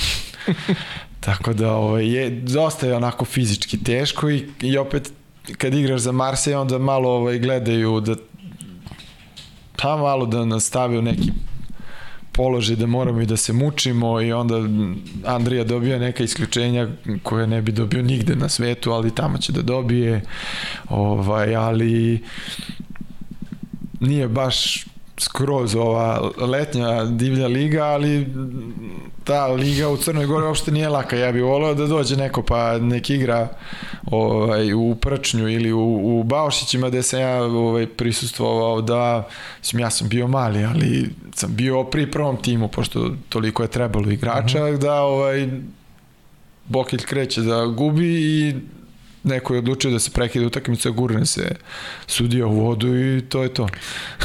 Pričao je Leka ovde ovaj, o... Pa dobro, Leka je, Leka, Leka, le, i Leka, su legende. Leka je veli majstor te, te, te letnje lige. Leka. ovaj. E, imamo pitanje gledalaca, narodno. E sad, neka se ponavljaju, ovo Igor Milanović, to smo već leta da si provodio u Crnoj Gori kao mali, da si okušao u futbolu i košaci, da si ipak opedelio za plivanje koji si počeo trenirati sa 5 godina. Da li je to na prvi pogled i šta je to što petogodišnjaka priuče plivanju? Ajde, možeš ukratko, ajde, čisto da stignemo što više odgovorim. Pa, opet, nekako to je ovaj sa pet godina ti ne znam baš nešto previše, ali opet to je ta ljubav prema vodi koja se javi uh mhm. -huh. kod deteta. Znači, uh mhm. -huh. budeš celo leto na moru, onda opet i to fali i tako. Uh mhm. -huh. A pitanje je da li je tačno da si vater plušao jer si na jedno plivačko takmiče povukao prvoplasiranog plivača sa noge da bi ga usporio. Tačno, jest, jest. Pa, mislim, šta, dete, jednostavno, imao sam jako veliki problem kada gubim. Uh mhm. -huh. To mi je baš bilo teško. I to, uh mhm. -huh. ovaj, kad sam bio mlađi, sam imao i one izlive besa i sve to, i onda tako kad vidiš nešto, malo ga povučeš i šta. Idemo dalje. I odeš na vaterpolo. Kaže, sa 7 godina imao izražen takmičarski duk i pobjednički mentalitet. Može da objasni zašto je to bilo važno? Da li je razlog e, to što je prve godine u klubu bilo njih 150, a nakon 6 meseci 50 manje? Jer je, e, jer je 50 manje sklonjeno iz ekipa, još tada je bilo važno da biti takmičarski nastrojen. Pa ta selekcija prva je ovaj, uvek najteža, mislim, pričati o brojkama nije nešto sad kao prezahvalno, mm -hmm. ali pogledati koliko ovaj, generacijski, koliko iz kojih klubova je završilo uh, sa, evo ti primer moje, moje generacije 2016. godine koliko je bilo ovaj, igrača iz Srbije na toj olimpijadi 88. godište. Mm -hmm. Ja i Stefan Mitrović. Eto, da. Znači, da. to ti kaže koliko je bilo klubova, igrača mm -hmm. uh, u mhm. cijeloj Srbiji. Da, interesantan podatak, da. Tako da, ovaj, dođeš onako do nekog zaključka da opet taj neki najtvrdoglaviji neki koji je spreman da se žrtvuje može da dođe ni, ja daleko od toga sam ja bio neki najbolji ili mhm. -huh. fizički ili najveći talent to je jednostavno neki rad neodustajanje i ovaj mhm. -huh. vera da, da možeš možeš i ti nešto mhm. -huh. kako je bilo u Kikindi U Kikindi to sam ovaj, jedne godine, pošto je bilo jako puno uh -huh. igrača, ovaj, bilo je puno igrača u prvom timu i jednostavno mi mlađi nismo imali mesta. I onda ovaj, to je bio jedan jako, jako lep period, odem petak u Kikindu, odigram u subotu, vratim se kući, malo kaljenje, ovaj, tu sam upoznao i ovaj, dosta prijatelja, tako da ovaj, onako lep neki period dok nisam ušao u prvi tim. Mhm. Uh -huh. Pera Kovačević, to smo, to smo negdje pričali, da si sa 14 već bio u selektoru mladu reprezentaciju i da si rekao da je, si tek tada uvidio razliku odnosno na saigrači i kako je potrebno strahovito puno trenirati da je bio među najboljim u generaciji. Pa ja sam, mislim, na slici naspravo od mene i Andrije kao da ima 20 godina razlika. Da, nismo videli onu sliku, to ćeš, pustit ćeš sigurno ono, ono iz Marseja, mislim da, ne znam da li je promaklo, ne, o, da, sa osvajanje Len Kupa, ali baj tu bacit ćemo ali, ovaj, tu, tu u suštini vidiš onako ta neka prva selekcija gde si. Aha. I onda mene je to samo motivisalo. Uh mhm. -huh. I, ovaj, povratak taj iz Atine, što smo bili na pripremama u Atini, uh mhm. -huh. Pera mi je rekao, ovaj, ako budeš radio, bit će tu nešto. Nisi mm -hmm. još fizički spreman, sve je to ok, ja sam igrao, davo neke golove, sve je to ok, ali fizički ne možeš da ispratiš uh, jednog Andriju ili Filipa ili mm -hmm. Saleta Radovića koji su svi već onako fizički da, da. naš, mm -hmm. jači. Mm -hmm. Tako da ovaj to je samo ovaj motivacija, a Pero je uvek bio tu negde. Mm -hmm. A koliko su te taj odlazak u Barsi, koliko te udaljio od njih u smislu kontakta ili ste ste zadržali pa, tu neku vezu? Pa neki sportski mm -hmm. kontakt. Mm -hmm. Ovaj, i, I to je neki fenomen da ovaj mi kad se vidimo u inostranstvu i da se ne vidiš ne znam koliko opet odeš na piće, odeš na večeru, mhm. ispričaš se, to je ne onako neka ta sportska kultura, ali ovaj meni uvek bilo drago ovaj kad ih vidim i uvek sam imao neko pitanje, tako da ovaj -hmm. onako Da, od naših ljudi narodni Nikola Stamnić, taj koji utkao sebe takođe u, u Marsi, dakle postoji duga onaka kultura, da kažem, dovođenje igrača svojih prostora. Kaže mi francuska reprezentacija u Parizu. Koje su tvoje neka predviđenja? Eto, to je nekoliko pitanja sam dobio ist, ista, identična, bukvalno. Šta očekuješ od, od Francuske u Parizu 2024. Pa ja iskreno jako puno ovaj sam u kontaktu s, i, i, i naravno sa Ugom koji je kapitan i s njih par mm -hmm. starijih, ali ovaj, jako puno pokušavam da komuniciram sa mlađim igračima i onako nekako da ih držim pozitivne, jer oni ovaj, malo, malo gore, malo dole, onda misle da su najbolji pa najgori, ali ovaj, ne, nerealno je pričati da ovaj da li oni mogu da uzmu neku medalju, želja mm -hmm. postoji. Mm -hmm. e, motivacija ne treba ni da se priča, ponos imaju, uh mhm. -huh. da li će uspeti sve da sklope, sad je Vijeko tu, vidi se promena, Tako je, da.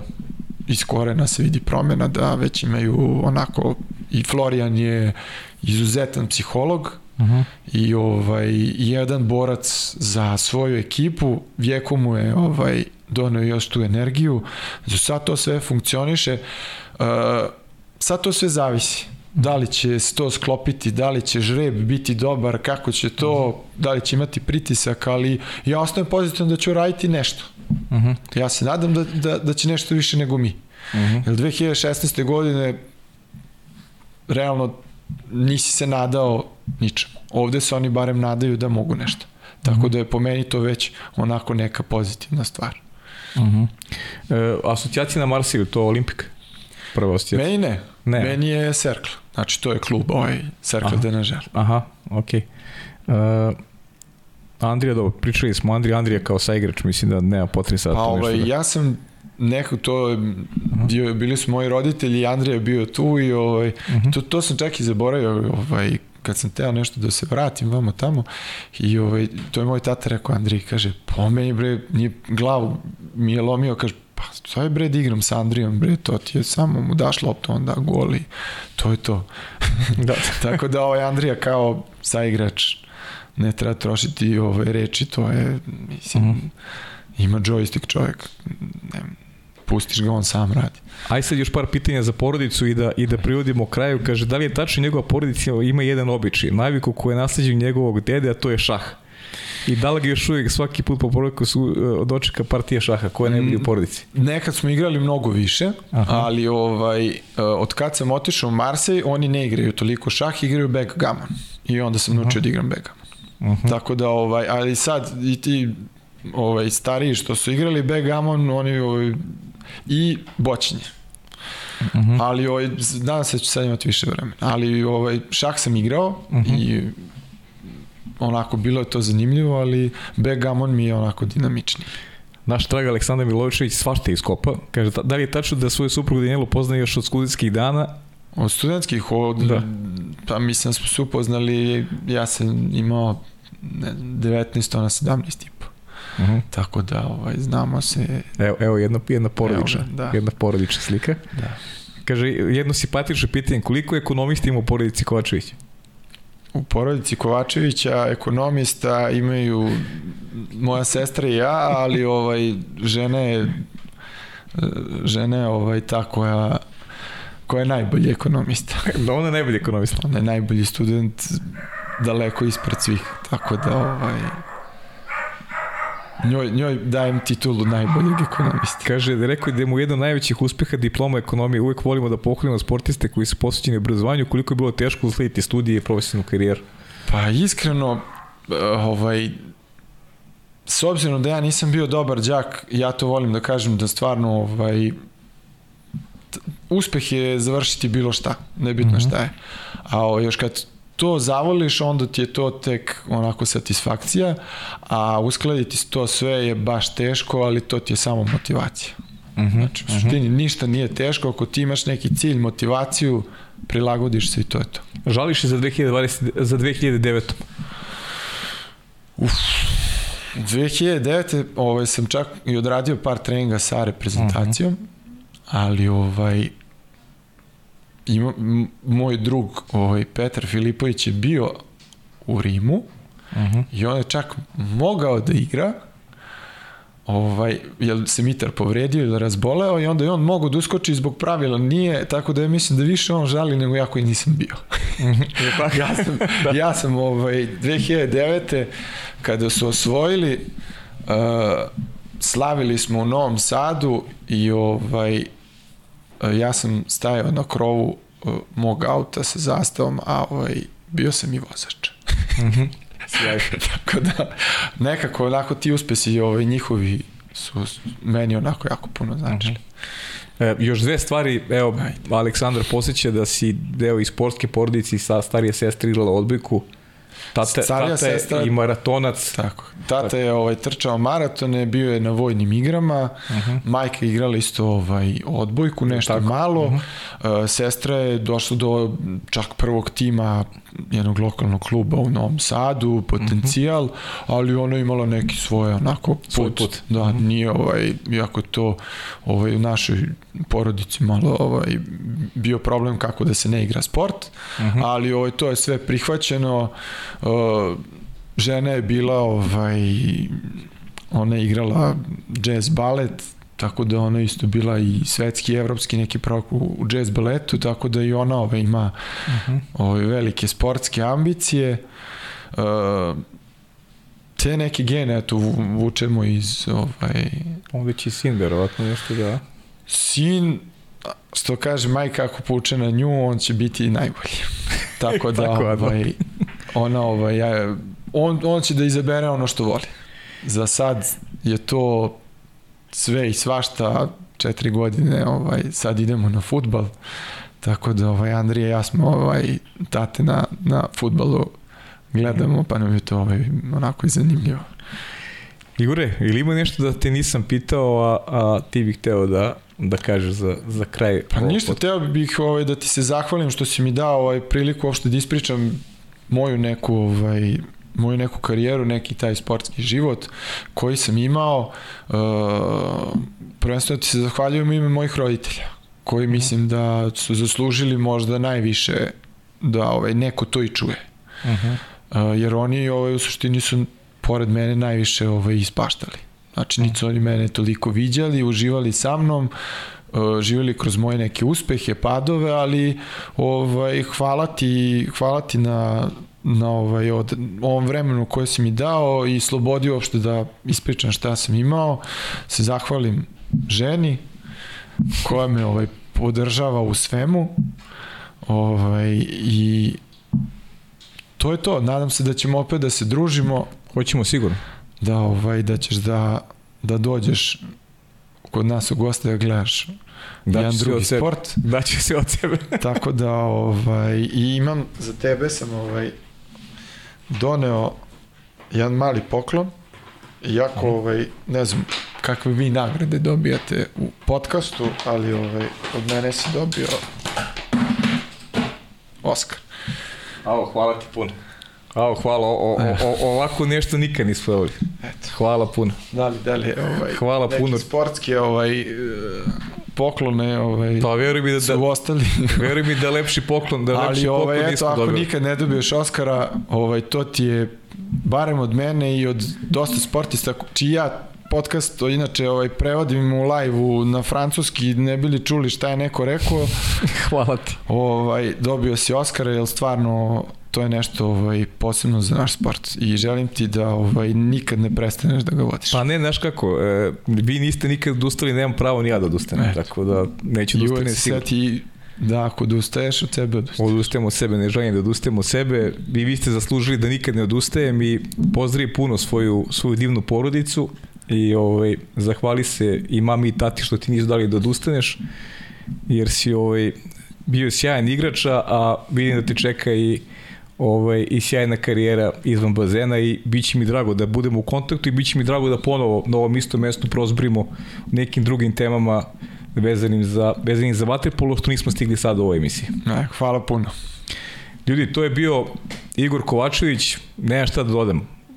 Uživajte u, u ovoj emisiji, ponavljajte je, ima svašta da se čuje, a Uh, mi se idemo malo na pauzu, dvonedeljni odmor, pa tamo krajem meseca otvaramo neke nove vaterpolo teme do tada srečan pozdrav.